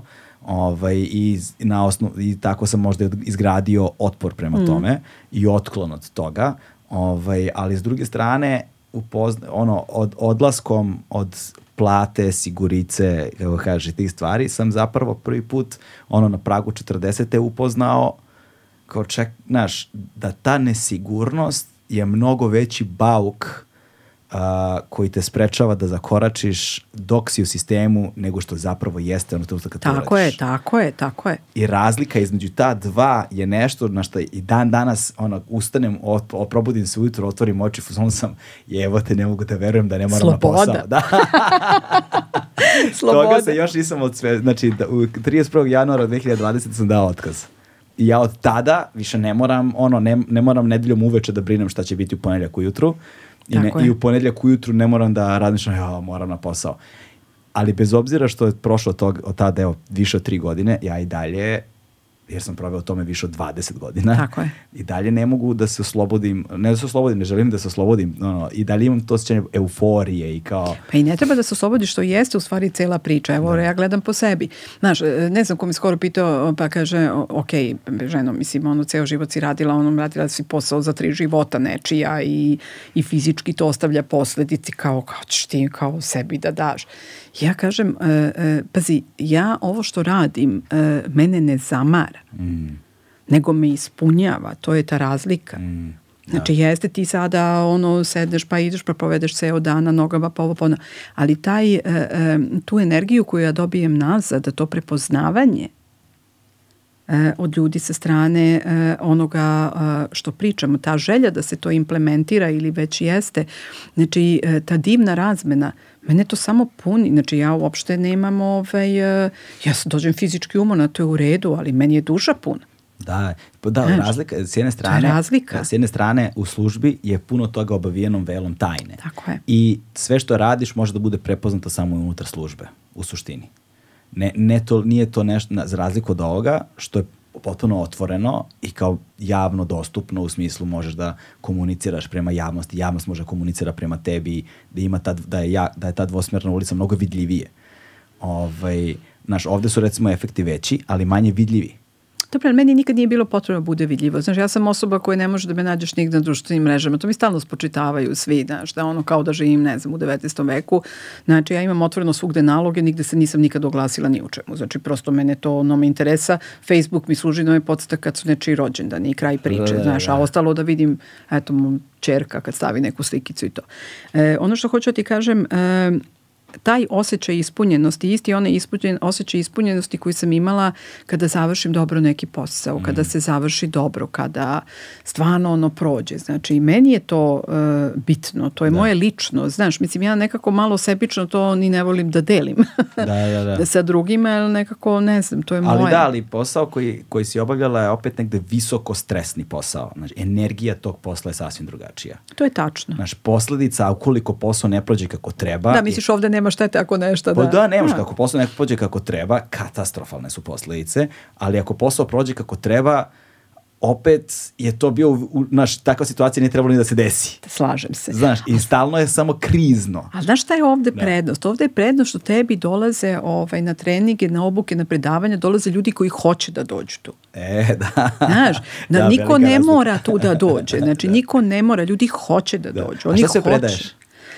Pa radim timsku saradnju, disfunkciju u timovima, komunikaciju kriznu, asertivnu, mm. radim ovaj, upravljanje promenama, radim upravljanje krizama, konfliktima i emocionalnu inteligenciju, to onako sad ajde, mislim, ali to su ti onih soft skills, znaš. Da, sve nam treba. Tako da eto, napravila sam jedan program work-life balance, znaš, malo o stresu videla sam da je to potrebno ljudima, znaš, baš kad pričamo oko toga i nekako čini mi se da upravo s aspekta onoga E, šta sam ja radila je um, lakše kada to donesem e, ljudima, kapiram ja da imaš kompaniju možda veliku, možda su milioni u pitanju, ali vidi prijatelju živ si Da. Znaš, dokle I god zdrav. si živ i zdrav, možda izgubiš pare da ih dobiješ, ali ti e, možeš uvek nešto da uradiš. Problem je kad te nema. Znaš, da malo stavimo u perspektivu i taj nivo stresa, da objasnimo i te mehanizme kako oni funkcionišu, šta oni znači, čemu služe, a drugo, ovaj, da razumeš da tvoj nivo stresa jeste tvoja odgovornost, ok, velika, sve to u redu, ali ne možeš da meriš sa operacijom na otvornom srcu, neurohirurgom ili, ne de Bože, ovaj, nekom akcijom gde je nečiji život ovaj, ugrožen. Pregovaračkom, Znaš, talačkom... Bilo krizom. čijom, ne mora da bude. Na kraju krajeva nisi u ratnom području, mislim, za početak. Da, da, Znaš, kaži hvala. Znači, i nekako ovaj, taj osjećaj zahvalnosti koji, koji smo izgubili, taj osjećaj um, poštovanja, taj osjećaj uh, poniznosti, Mi tu reč ne volimo, mi to doživljamo kao nešto ružno. Ali ja sam ponizna pred veličinom života, znaš.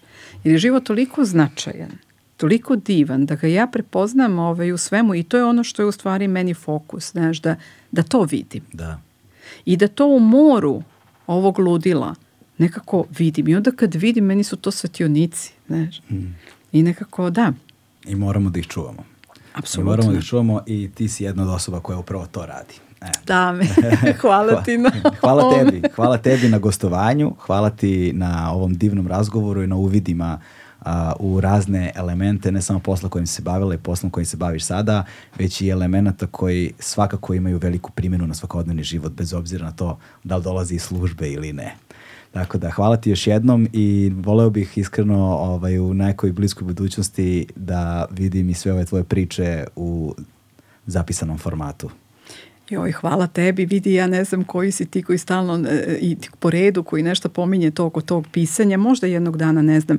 E, e, trenutno mislim da živa reč možda ima više uticaja, ljudi slabo već čitaju, da. imaš one koje da, koje ne, ali u svakom slučaju hvala tebi e, zato što e, Ja moram da priznam da mi je veliko zadovoljstvo ovaj, što si me baš ti izvao, ja inače ne volim to, da, da, mislim, znaš da to, to smo pričali malo, e, e, baš zbog ovoga što radiš, što tragaš, što istražuješ, što eto nekako ovaj, bitna ti je suština. Tako je. Hvala Eto ti puno. To. Hvala ti puno. Veliki kompliment. Završit ćemo s time. Da. Dosta je bilo. to je to, stigli smo do kraja. Ćao. Ćao.